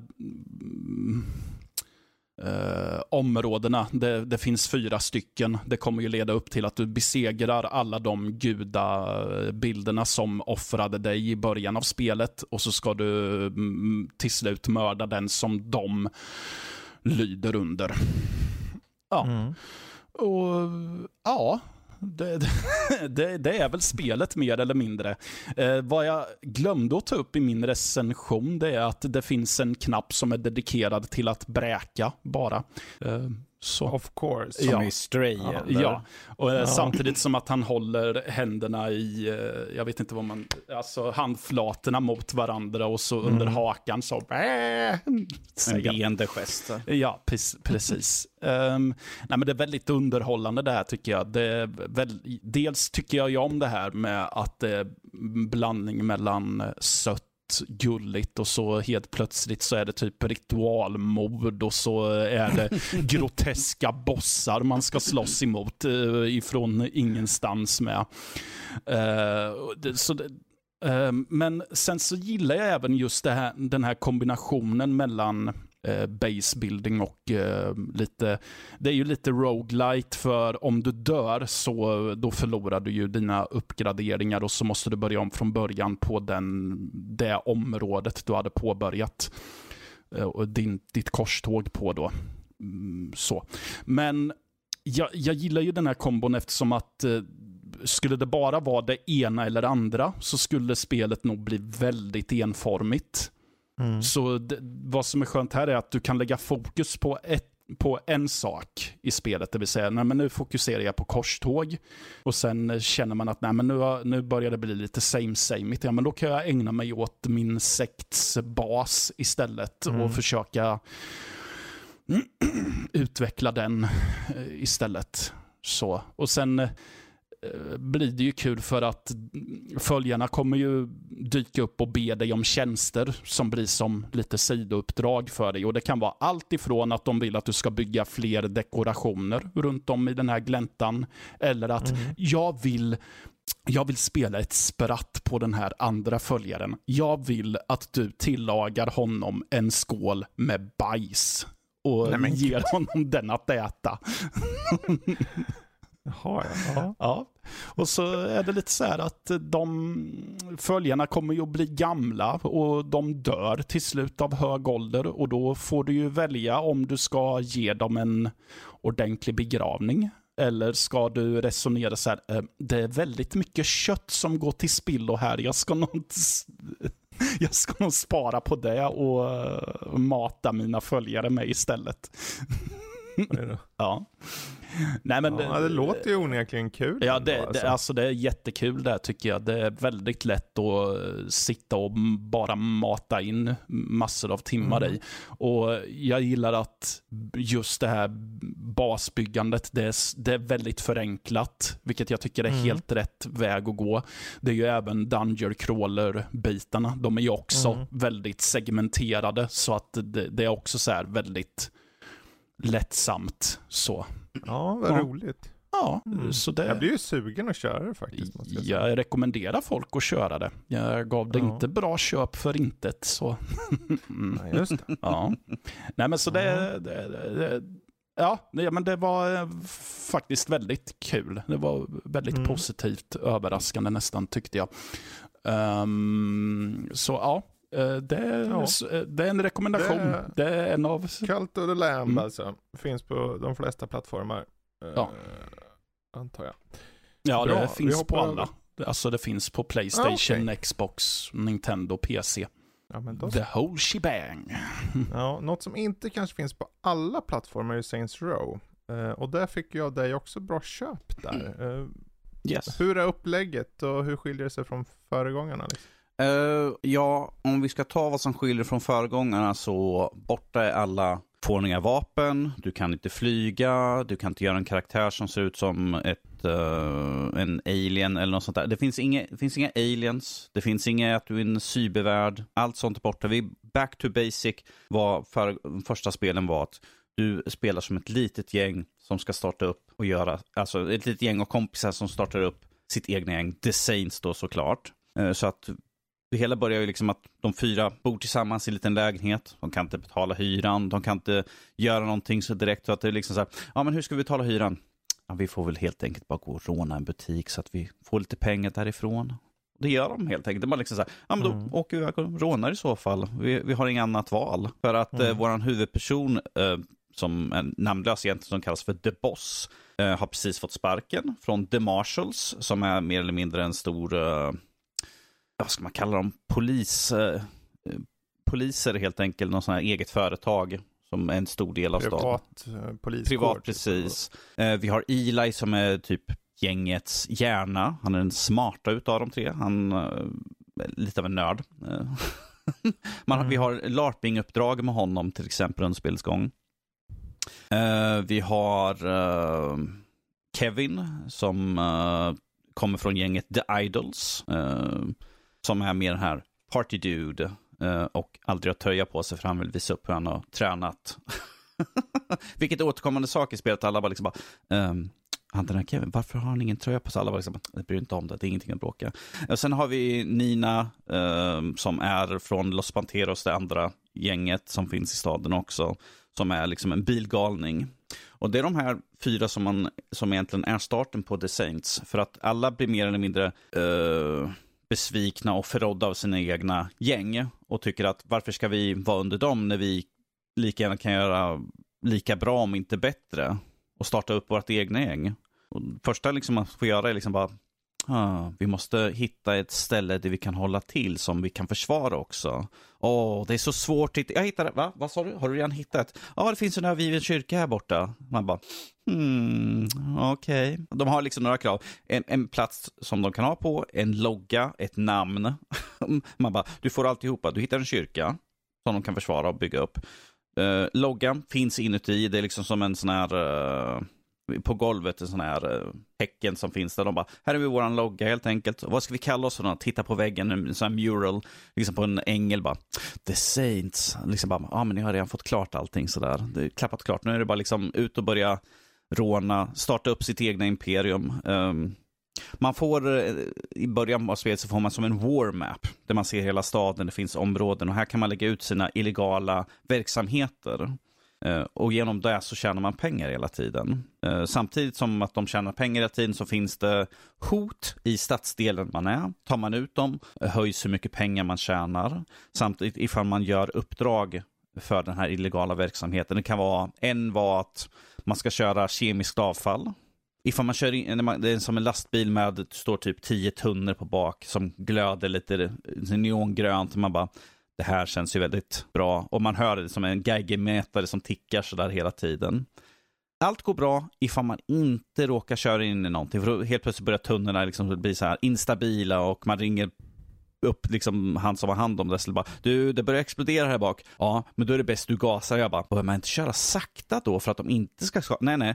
Gasen i botten, ju snabbare du kommer, desto stabilare är de och man får peng, poäng, eller pengar för hur många tunnor man får tillbaka. Det är en verksamhet. Eh, det finns massvis med olika verksamheter och eh, eh, man har ju precis som i GTA, man har en telefon med massvis med appar. En är en penga-app som man ser hur mycket man tjänar i staden på alla sina verksamheter och man kan klicka och liksom föra över pengarna så att man aktivt kan använda dem. Eh, ju fler mm. verksamheter, desto mer pengar man tjänar. När jag var i slutet av spelet så var pengar inget bekymmer överhuvudtaget för det, pengar tuggade in hela tiden. För varje ny verksamhet så höjs det hur mycket pengar du kan tjäna och hur mycket du aktivt kan ha på den här appen. Jag tror jag var 800 000 och sånt där man kunde tjäna på x antal timmar. Nu är det in game time, alltså när du spelar spelet så tjänar du pengar. Det är inte att du kan stänga av spelet och liksom komma tillbaka ett par timmar senare. Jag, jag, jag, ibland var det lätt, jag bara, okej okay, jag vill köpa den här saken. Jag har inte riktigt pengar för det. Jag låter bara spelet stå på, sen går jag typ och gör mat, kommer tillbaka, men jag tjänar pengar, nu kan jag köpa den här grejen. Så liksom bara lämna spelet på, så tjänar man pengar. Eh, spelet går ju mycket också ut på att uh, det finns huvuduppdrag i appen. Och det är de uppdrag som för historien vidare. Också i de huvuduppdragen så finns det uppdrag som är specifika för de, de olika karaktärerna. Eli som sagt har vi LARP. Uh, uh, det är live action role playing. Där man åker iväg med honom. Han tycker bara, kan vi inte göra någonting ihop? Följ med på mitt LARP. Och man bara, okej, okay, jag kan följa med, det är lite töntigt där. Vi tar, får en, en rustning bestående av kartong vi får vapen som skjuter typ pilar som typ studsar på folk. Och de bara, åh, väldigt överdrivet är det här. Liksom, man skjuter en snubbe och man bara, åh, jag dör, ah, jag trillar ner i mitt liv, försvinner bort. Jag ligger här, jag är död nu så eh, gå, gå och mörda någon annan sådär. Lite så här fånigt sådär, men att vad förväntar man sig? Eh, och sen har man eh, challenges också, vilket kan vara krocka in, sideswipa åtta bilar, skjut uh, tio stycken Los Panteros i huvudet eller något sånt där. Och de, för de sakerna får man pengar och XP. Vilket gör att man går upp i nivå. Och för varje nivå man går upp så får man en ny um, special ability. Det kan vara till exempel att du skjuter bättre. Uh, du kan uh, få en uh, Du har perks också som kan vara... Um, hade jag som exempel? Jag kommer inte ihåg, jag rakt upp och ner sådär. det är, minnet bra men kort sådär, jag spelade för mycket på det. Men det är liksom i grund och botten ett tredjepersons open world-spel. Tredjepersons open world. Det, plus att, något som jag tyckte var skönt att det var inte en för stor värld. Det var en mm. lagom stor värld. Att när du åkte över, det tog inte jättelång tid att åka. Plus man mm. kan låsa upp sån här, sån här um, fast travel till vissa ställen. Eh, det mm. finns eh, massvis med samlarsaker i världen. Du kan åka runt och så poppar det upp kanske saker, så här, pluppar på kartan. Liksom att, ja, men här kan du gå och plocka lite amfetamin. Och man går, går och plockar den så står det så här. Du har plockat en av uh, eh, 23 stycken. Eller att man kan hoppa mm. ner i soptunnor och leta efter skatter. Uh, man kan åka runt och ta bilder. Det där de brukar finnas. Det där precis brukar finnas. Man kan åka kring och ta bilder på speci specifika saker. Uh, plus ja. att senare kommer att man kan ta bilder på vissa objekt som finns i världen och sen kan du använda dem som inredning i kyrkan. Mm. De förklarar, det är med han Kevin som åker runt. Han säger vi behöver några coola inredningar. Okej, okay. ja men det finns en kanon borta på det här gamla fortet. Ja, man åker man dit. Han bara, ta en bild på den här kanonen. Man bara, okej okay, jag tar en bild. Han bara, och nu kan vi ha den i, nu kan vi ha den i kyrkan.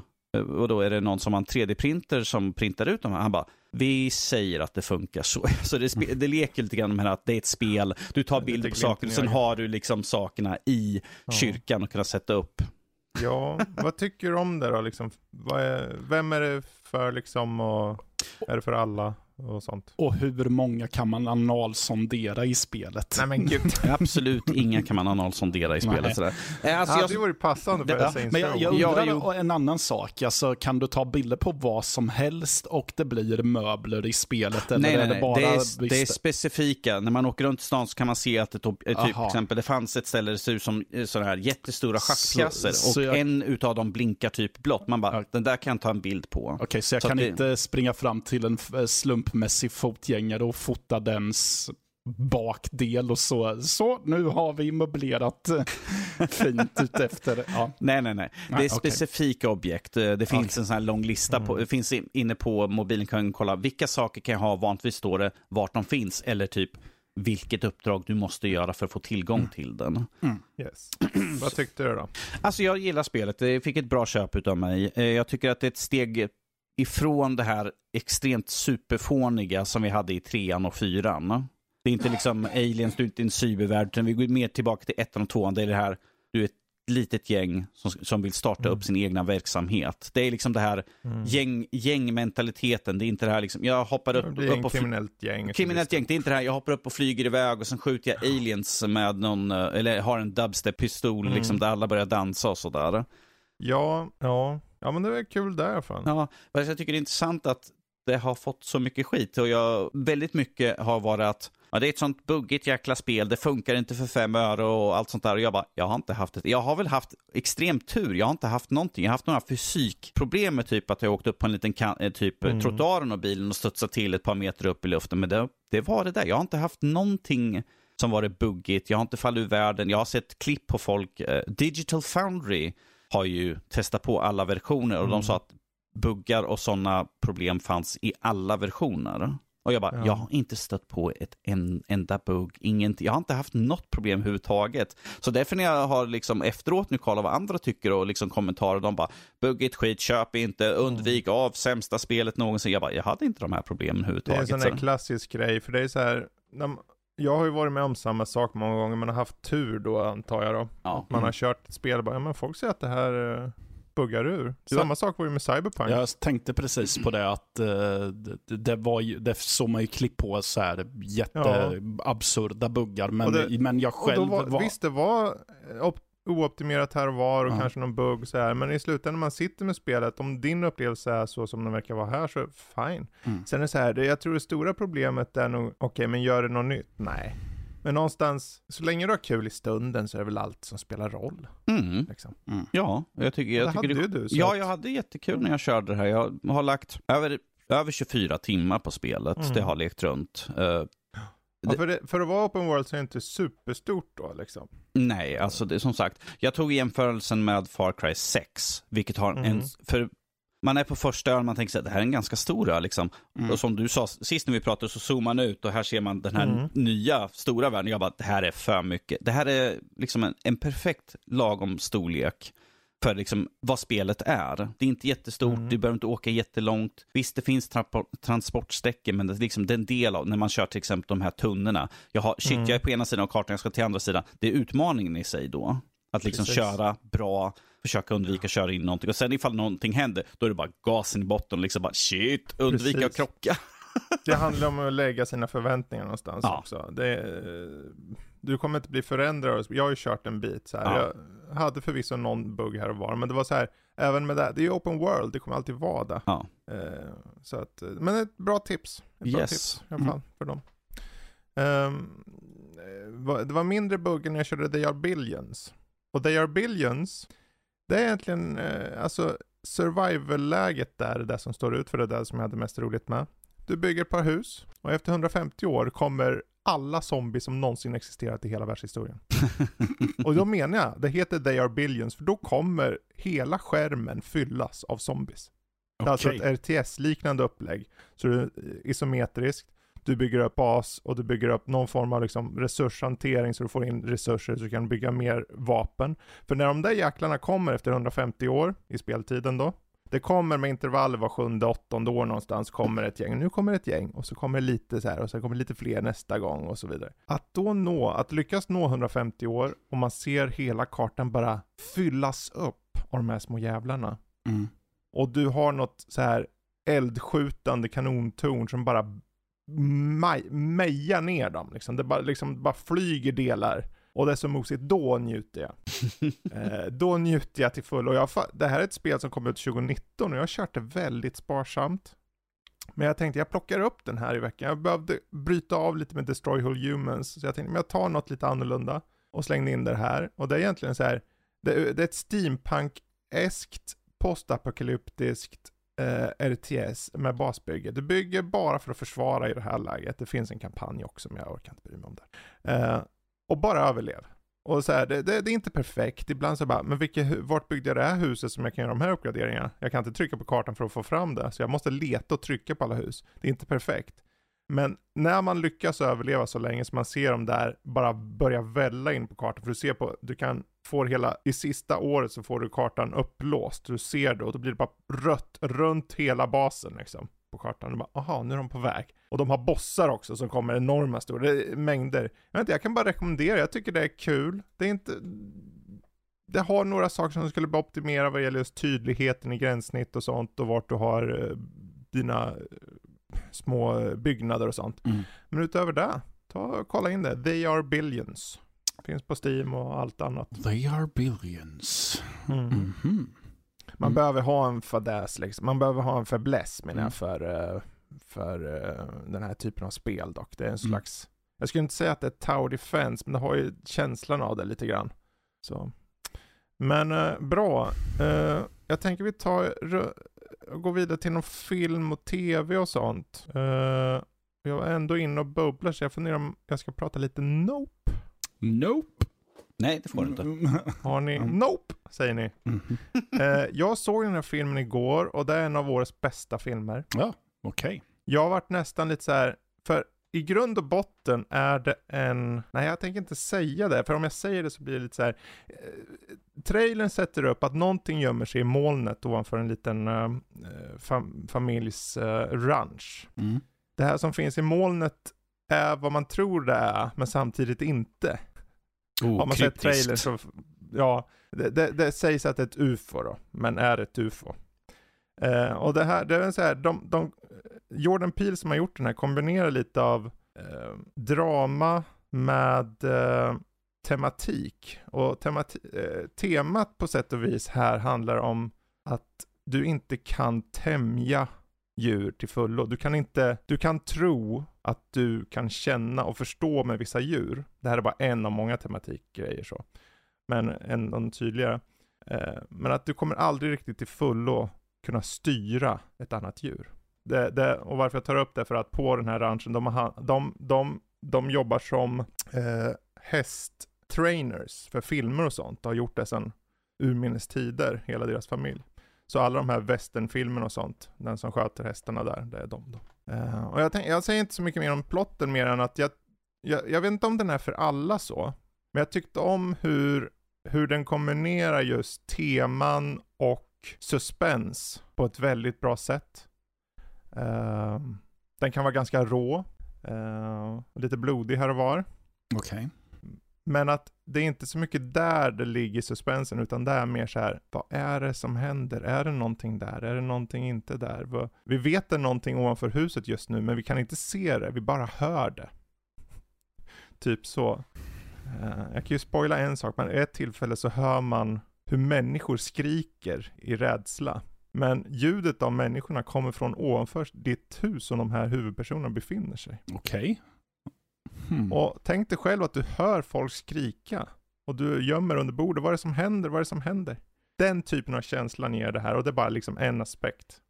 Um, Eh, jag, jag, hade önskat lite mer fokus på vissa karaktärer. Vissa karaktärer som de tar upp i filmen avhandlas lite kort, mer mm. kort än vissa andra. Och där, där hade jag gärna, men här skulle ni ha gett mer. Jag, jag, går inte in på vilka eller så, för att inte, ja, spoila. Um, men överlag, eh, det här är en film, jag känner alla bör se den. Alla kommer ha en åsikt om den. Jag tror eh, man kommer gilla den, inte gilla den, någonstans där.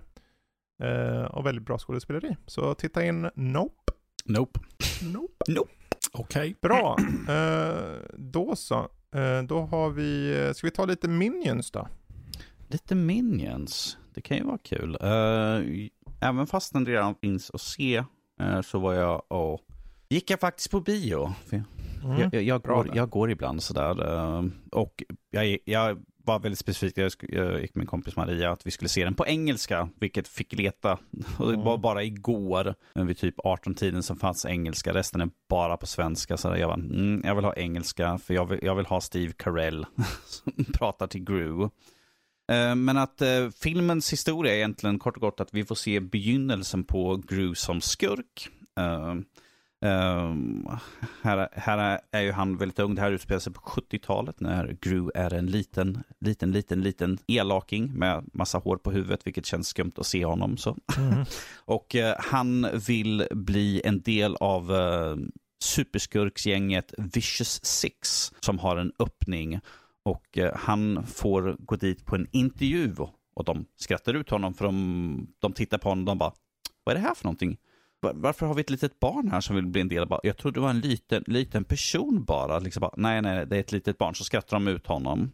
Uh, vad de inte vet är att han är lite smartare än vad han ser ut. Och han snor ett smycke som de har snott av en annan medlem som de sparkade ut för länge sedan. Och där egentligen har vi historien för, för eh, filmen att det är jakten på det här smycket som har en stor hemlighet och makt i sig och kunna göra dem till mer än superskurkar. Och eh, Gru och minionerna eh, får, har en jakt i hitta smycket igen som de tappar bort. Uh, för det finns en minion som heter Oto som alla avskyr. Alla andra minions avskyr och Gru har för honom för han pratar en massa. och de bara, ja, vi, vet du vad vi gör just nu Otto? Vi kör tysta leken. Shh. Bara för att få tyst på honom sådär. Vilket jag tycker är rätt kul. Men att det här är återigen en Minion-film och Gru såklart, men att det är ju väldigt mycket humoriken med hur Minions uppför sig. Eh, mm. De, får, de får träffa på en liten, en liten asiatisk dam som lär dem kung fu till exempel.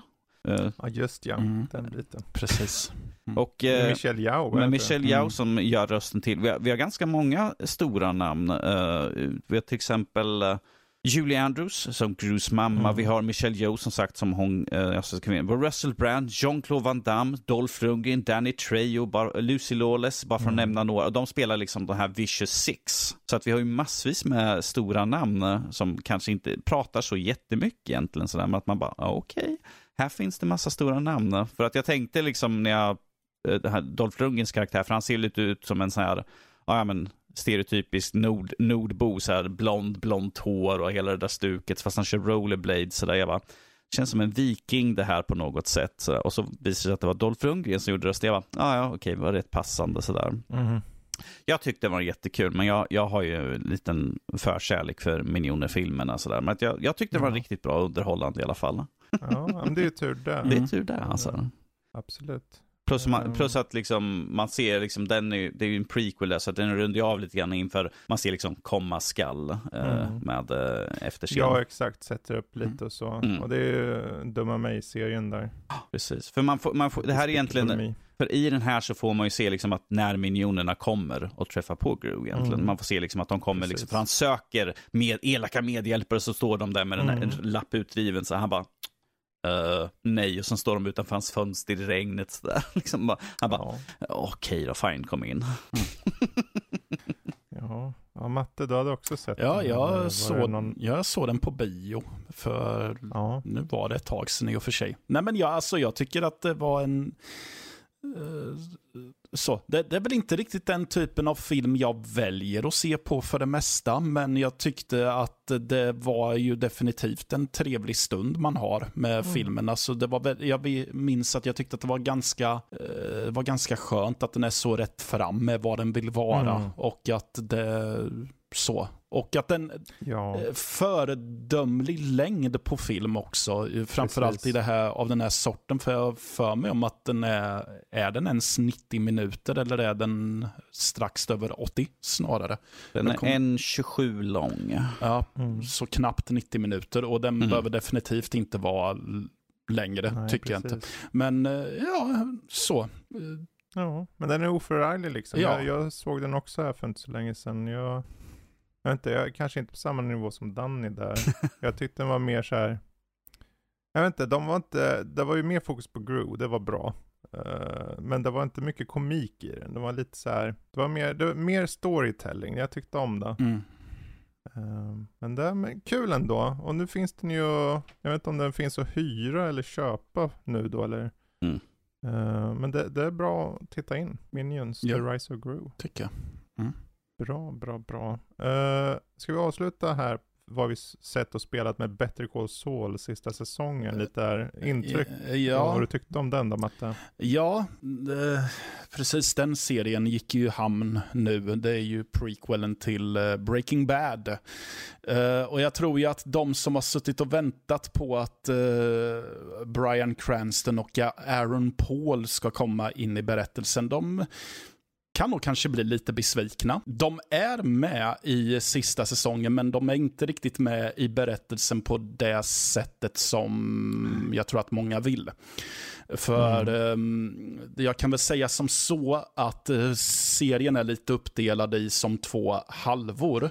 Vi har först och främst eh, den berättelsen vi har fått följa sedan säsong ett, det vill säga hur Jimmy McGill blir Saul Goodman och så vidare. Mm. Sen får vi ju följa mer av det som inleder alla säsonger, det vill säga då får vi se svartvita bilder från vart han är efter Breaking Bad-händelserna då. Och äh, sista halvan av säsongen äh, knyter ihop den biten, alltså va, ja. framtidsbiten då. Och det kombineras då med lite flashbacks som pågår under tiden Breaking Bad håller på. Det är i sådana flashbacks som mm. Aaron Paul och Brian Cranston dyker upp. Nej men jag tycker att, jag gillar serien väldigt mycket. Jag tycker att de avslutade på ett bra sätt. Så. De var mm. också ganska, vad ska man säga, olustiga i sitt sätt att uh, avsluta med att eh, jag tittade på sista avsnittet men eh, jag, det sjönk inte riktigt in förrän någon dag senare att vänta, just det, det där var sista avsnittet. så. Nej men, eh, så. Och ja, eh, ja det, det, avslutas bra och jag tyckte att det var en riktigt bra säsong också. Mm. Så. Jag är ju väldigt förtjust i både Breaking Bad och Better Call Saul. Just det här att det syns att de som har skapat den kanske har tittat ganska mycket på spagettivästen.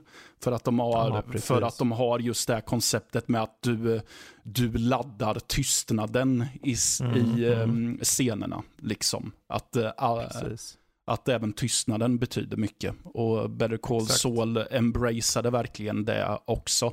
Mycket, så det är en riktigt bra serie. Så mm. har man inte sett den eh, så kan man ju passa på nu när den har gått i hamn. Det, ja, exakt. Ja. Kul du nämner Spaghetti Western där. Jag glömde jag säga att det finns lite av den känslan i Nope också för övrigt. Okej, okay. ja. Eh, mm. Men ja, lite grann. Mm. Men eh, bra, vi rundar av vad vi spelat och sett där. Jag tänker vi tar Uh, innan vi avslutar då, Q&A för podden och uh, då är det alltså att man in på vår Discord kan skriva fråga eller fundering eller liknande.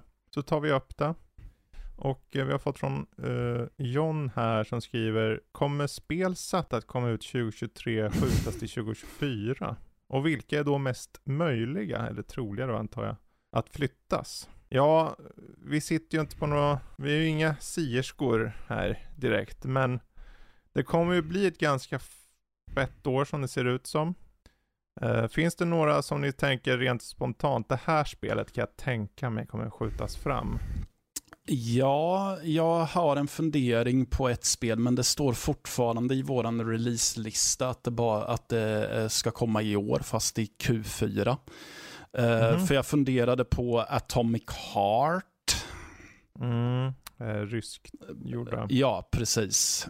Mm, så, men eh, jag vet inte riktigt. Det, ja, jag tror inte ens att men det... spel som kommer 2023 som kanske skickas till 2024. Det kan ja. ju vara att Atomic Heart faktiskt skjuts på så långt. Det vet man ju inte förstås. Nej. Uh, jag får nog uh, återkomma ja. lite tror jag.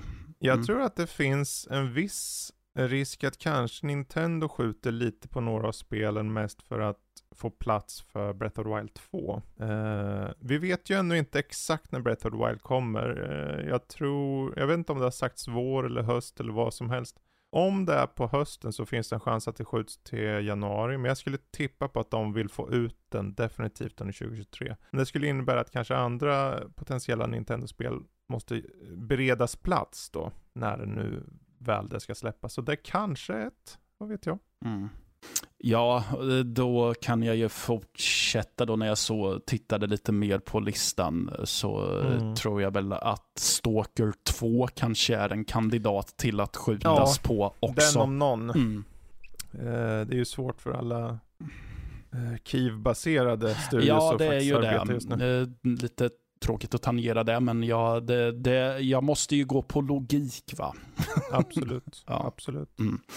Uh, Danny, har du något som du tänker kanske skjuts till 2024? Jag, jag funderar lite grann, för vi har ju på hösten, uh, eller Q3, Q4 uh, 2023, så har vi Final Fantasy 16 och sen har vi Final Fantasy 7 Rebirth.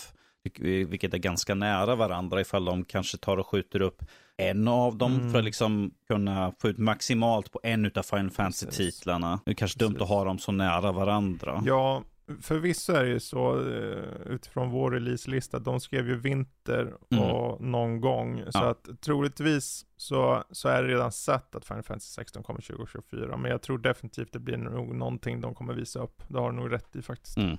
Um, jag vet inte, för min del, jag kollar på de här så vi, eh, är det väl inget som så här skriker, hej jag kanske hamnar i 2024. Det skulle vara, det skulle vara till exempel Star Wars Jedi Survivor om den, för det blir ganska så konkurrerande år, vad det verkar som. Och jag, tyvärr att säga, men jag skulle tippa på att det kanske finns en stor chans att Hellblade 2 skjuts också. Definitivt Contraband, det här som Xbox håller på med. Mm. Uh, alla de här titlarna som som inte har getts något mer än bara en Cinematic, skulle jag säga en stor chans att de skjuts till 2024. Uh. Eh. Mm. Jag, jag ser, kollar här, jag tittar på en bild som vi har uppskrivet 2023. Vampire the Masquerade Bloodlines 2. Jag bara, hmm. Jag har ju skjutit så mycket mm. på det där jävla spelet, så vad, vad hindrar Nej, från att den, skjuta sig ett, ett år till? Den har väl inte ens 2023 längre, Nej. egentligen. jag, jag, jag tar bara tittar ut från vad vi har på vår lista sådär, men att jag, jag, vi har Beyond Good and Evil, vi har ju inget datum eller något sånt där på den där, så det, den, ifall de kanske hade planerat någonting, nu har vi inte hört några livstecken egentligen överhuvudtaget, så att den kommer ju komma senare. Jag skulle säga att Diablo 4 har en chans att gå till 2024. Ja. Det är ju ett sommarspel i regel, så sommar, sensommar är ju en bra period för det. Om det inte kommer nästa sommar, då kommer det sommar efter skulle jag säga. Mm. Om de inte släpper på hösten. De kanske vill ha en höstspel, vad vet jag. Precis. Men äh, jag vet inte, det finns, det finns nog mycket man kan äh, dra till med. Det är ju svårt, det är en svår fråga så, äh, mm. att komma på vad som kan tänkas skjutas på. Men oftast är det ju så här, de storspel som släpps, de vill ha plats och utrymme. Så tänk bara när ni får reda på vilket spel som faktiskt får något relativt exakt eh, releasedatum nästa år och det är många spel den månad. Då finns det ju en chans att det skjuts på. Och man vill ju släppa ett spel i en period där många kan ge det tid och då är det kanske lättare att skjuta till året efter. Så det är bara ni funderar jag, på jag, menar, jag menar ju bara kolla i år, uh, spel som man tänker de här släpps väldigt nära. Vi har ju till exempel Sonic Frontiers. Mm. En dag efter släpps God of War Ragnarök. Mm. Så man bara, mm, det kommer ju bli väldigt svårt, speciellt efter den kritiken som Sonic Frontiers fick. När de visar upp de första trailrarna. Man får ju så- kolla till vilken publik de Jo, har jo, jo. också. Men, men jag tänker liksom att God of War, ifall God of War kommer dagen på, Mm. och det är kanske folk som vill köra bara två, så kommer ju en av de Sonic Ja. Frontiers, är ju inte så svårt att gissa på det. Sonic Jag Frontiers tror- kommer ju lida ganska hårt. Skull and Bones också, vilka kommer skaffa Jag tror dem? det som folk, det som är till fördel för folk i år, för jag kan förstå hur du tänker där, definitivt. Det är väl det att, i och med att det är, det är ju det, det mest torra år jag varit med om på många år alltså. Fy fara vad de skjuter upp saker. Mm. Så om du mot förmodan har varit helt utan spel ända fram till hösten och det släpps två spel samtidigt, då kanske du köper båda, kör det ena först och sen kör du det andra. Mm. Jag vet inte hur många som ser efter Skull and Bones. Jag kan tänka mig Sonic. Definitivt folk ser efter God of War. Men vad finns det därefter liksom? Mm. Pokémon, men det är Pokémon-spelarna. Goat Ja, Simulator. det, det är det. COD har COD-spelarna liksom. Eh, det, är- det är ett torrt år känns det som. Så jag, ja, det är svårt. Men kul ändå att du skrev frågan. Eh, du får nöja dig med det här svaret. Det får bli så. Eh, så bra. Det blir inte bättre än så. Det får bli bättre sen när vi gör egna spel. För, När vi har köpt EA vi har menar du? köpt EA. Vi kan ju runda av helt, eller så kan vi köra en sista köphyr kasta i soptunnan. Vad tycker ni? Oh yeah. Ja, kör. ja, vi kör på en till. Okej. Ja. Ja, ni får välja en här. Det är Classic Horror Games 2. Ett helvete att välja Open World Madness del 4. Och ett helvete att välja Ultra Fudged Trilogy Edition 2. Det är Mm. många udda fåglar kvar. Mm. Jag tycker vi Ja, kör- Matte, Danny, jag, vet, jag, jag, jag skulle vilja ta den här första, Ett helvete att välja. alla heter det. Ja, Vilken då tänkte du? Eh, den, för, den första. Classic Horror Games 2. Ja, Oh, classic horror games. Det här, är, det här är bara för att se ifall matte, matte kanske lider lite grann. Ja, okej. ja, men då tar vi den. Eh, då får ni välja mellan följande spel. Silent Hill 2, eh, Amnesia och eh, Dead Space. Och så får ni dem där i chatten också. Sådär. Eh, Första Dead Space. Ja, Mm. så Silent Hill 2, Amnesia, The Dark Descent och Dead Space. En ska köpas, en ska hyras, en ska kastas i soptunnan. Okej, det var inte jättesvårt. Go, Go. go for it. Köp eh, Silent Hill 2. Mm. Hyr Dead Space. Och så kastar jag långt ut, missar soptunnan, ner i en brunn Oj. där jag råkar liksom sätta mig över och defekera över Amnesia. Nej, oj, oj, oj. Medan du köper EA. Medan jag köper EA precis. Ja. Sitter och defekerar. jag sitter och defekerar. Okej, eh, matte då? Jag köper Dead Space, jag hyr Amnesia, The Dark Descent och så, ja men vi kastar Silent Hill 2. Vem blir glad Okej. av den, det spelet egentligen? Inte jag i alla fall. Ja, jag vet inte om man, någon av de här spelen gör en glad på något sätt. Nej, det- jag tänker på det. Mm. Eh, Men eh, absolut, bra. Eh, Jag skulle nog köpa Dead Space, hyra Silent Hill 2 och kasta Amnesia. Mm. Eh, vi kan riva av en till här så vi får slut på de här jävlarna. Vill ni ha eh, ett helvete att välja Ultra Fudge, edition, eh, Ultra Fudge Trilogy, Trilogi Edition eller ett Open World Madness del 4? Jag vill ha Ultra Fudged eh, Trilogy. Trilogy ja. Edition, Mm. okej. Det är hela trilogier då. Mhm. Mm. Eh, och det är Tillbaka till framtiden-trilogin. Det är Dollar-trilogin, om man nu ser det som en trilogi, och Gudfadern. Mhm. Så Gudfadern-trilogin, eh, Dollar-trilogin, Den gode, den onde, den fule med mera. Och Tillbaka till framtiden-trilogin. Mm. En ska Eh, köpas, en ja. ska hyras, en ska kastas.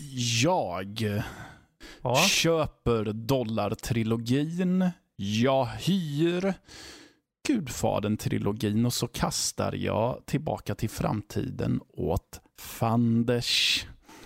oj, Mm. vilken en. Mm. Norskis då? Eh, jag- Jag kommer ha dem precis i den ordningen de är. Jag köper Bak till framtiden, jag hyr Dollartrilogin och sen tar jag och kastar Gudfadern in på pensionärshemmet för det är där han hemma och sitter. Ja, den här tycker jag är tuff alltså. Ehm, jag tror jag, jag tror jag köper, Ah, det är synd där, för Do- Dollar-trilogin, det är ju bara den gode, den onde, den fula jag tycker om där. De andra är okej, men det är inte som att jag bara, åh, jag måste leva med de filmerna. Tillbaka till framtiden är komplett. Varje del tycker jag om. Gudfadern tycker jag om första och andra. Eh, jag tar nog att jag köper dollar-trilogin, jag hyr Tillbaka till framtiden och jag kastar Gudfadern. All right, Så som mitt hjärta. Så som mitt hjärta. Så som ditt hjärta. Mm. Ja. Ja, vi har ju bara en kvar. Ska vi riva av det? Ja, men vad fan. Nu den. när vi ändå har Det börjat är Open så. World Madness och det är då Assassin's Creed Odyssey, Horizon Zero Dawn eller Horizon Forbidden West och Red Dead Redemption 2. Så Det är dessa spel. Och då är det alltså att Horizon Zero Dawn och Horizon Forbidden West är en då av dem. Man får välja vilken man tycker det ska vara. Eh, jag köper Red Dead. Jag hyr Horizon. Och så kastar Mhm. vi Assassin's Creed. Okej, Mm. okej. Mm. Ja, ja, ja, jag hoppar in här då. Jag, jag skulle nog köpa Jag skulle nog köpa Assassin's Creed Odyssey. Sen skulle jag kasta, nej jag skulle nog hyra Horizon Forbidden West eller Zero Dawn. Och jag skulle kasta Red Dead Redemption 2 för det är ju eh, så jävla överskattat. Mm. Måste vara lite, Ja, ja, ja, ja, ja, ja, ja, det ska skava lite grann. det ska skava Eh, lite. Ja, det ska det. Nu ska vi se vad det skaver här Mm. sist då. Danny. Nej, det blir samma där. Det är liksom, eh, jag köper Assassin, jag hyr Horizon och jag kastar Red Dead. För det var det jag Mm. gjorde. Jag hade det installerat, körde det aldrig, slängde det bara. Mm. Ja. Så kan det vara. Så kan Ja. det vara ibland. så här. Medan de andra har jag liksom kört igenom i fullo. Ja, men då, då har vi gjort allt man kan göra i det här avsnittet. Jag tror inte man kan göra någonting mer. Det är helt klart. Mm. Vi kan inte förbättra på liksom- något sätt. Vi kan, det kan inte bli bättre Notan är betald till EA. Vi har och för sig inte analsonderat någon, men det... Nej men gud. Okej, med det sagt, är det så ni vill ha mer av oss, hoppa in på nördliv.se. Eh, där har ni ju recensioner och artiklar av alla olika slag och även eh, Kultpodden avsnitt och Matiné till exempel. De är två andra poddar. Eh, är det så att eh, ni vill ha oss på sociala medier så är det bara att nordliv.se på Facebook, Instagram och Twitter så hittar ni oss. Eh, följ och ta del av våra upptåg så att säga. Men eh, med det sagt så tackar för mig så får ni härliga filurer. Eh, ett stort tack och möjligheten att säga adjö. Så kram, tack för att ni lyssnar, hej då. Ja, hej då.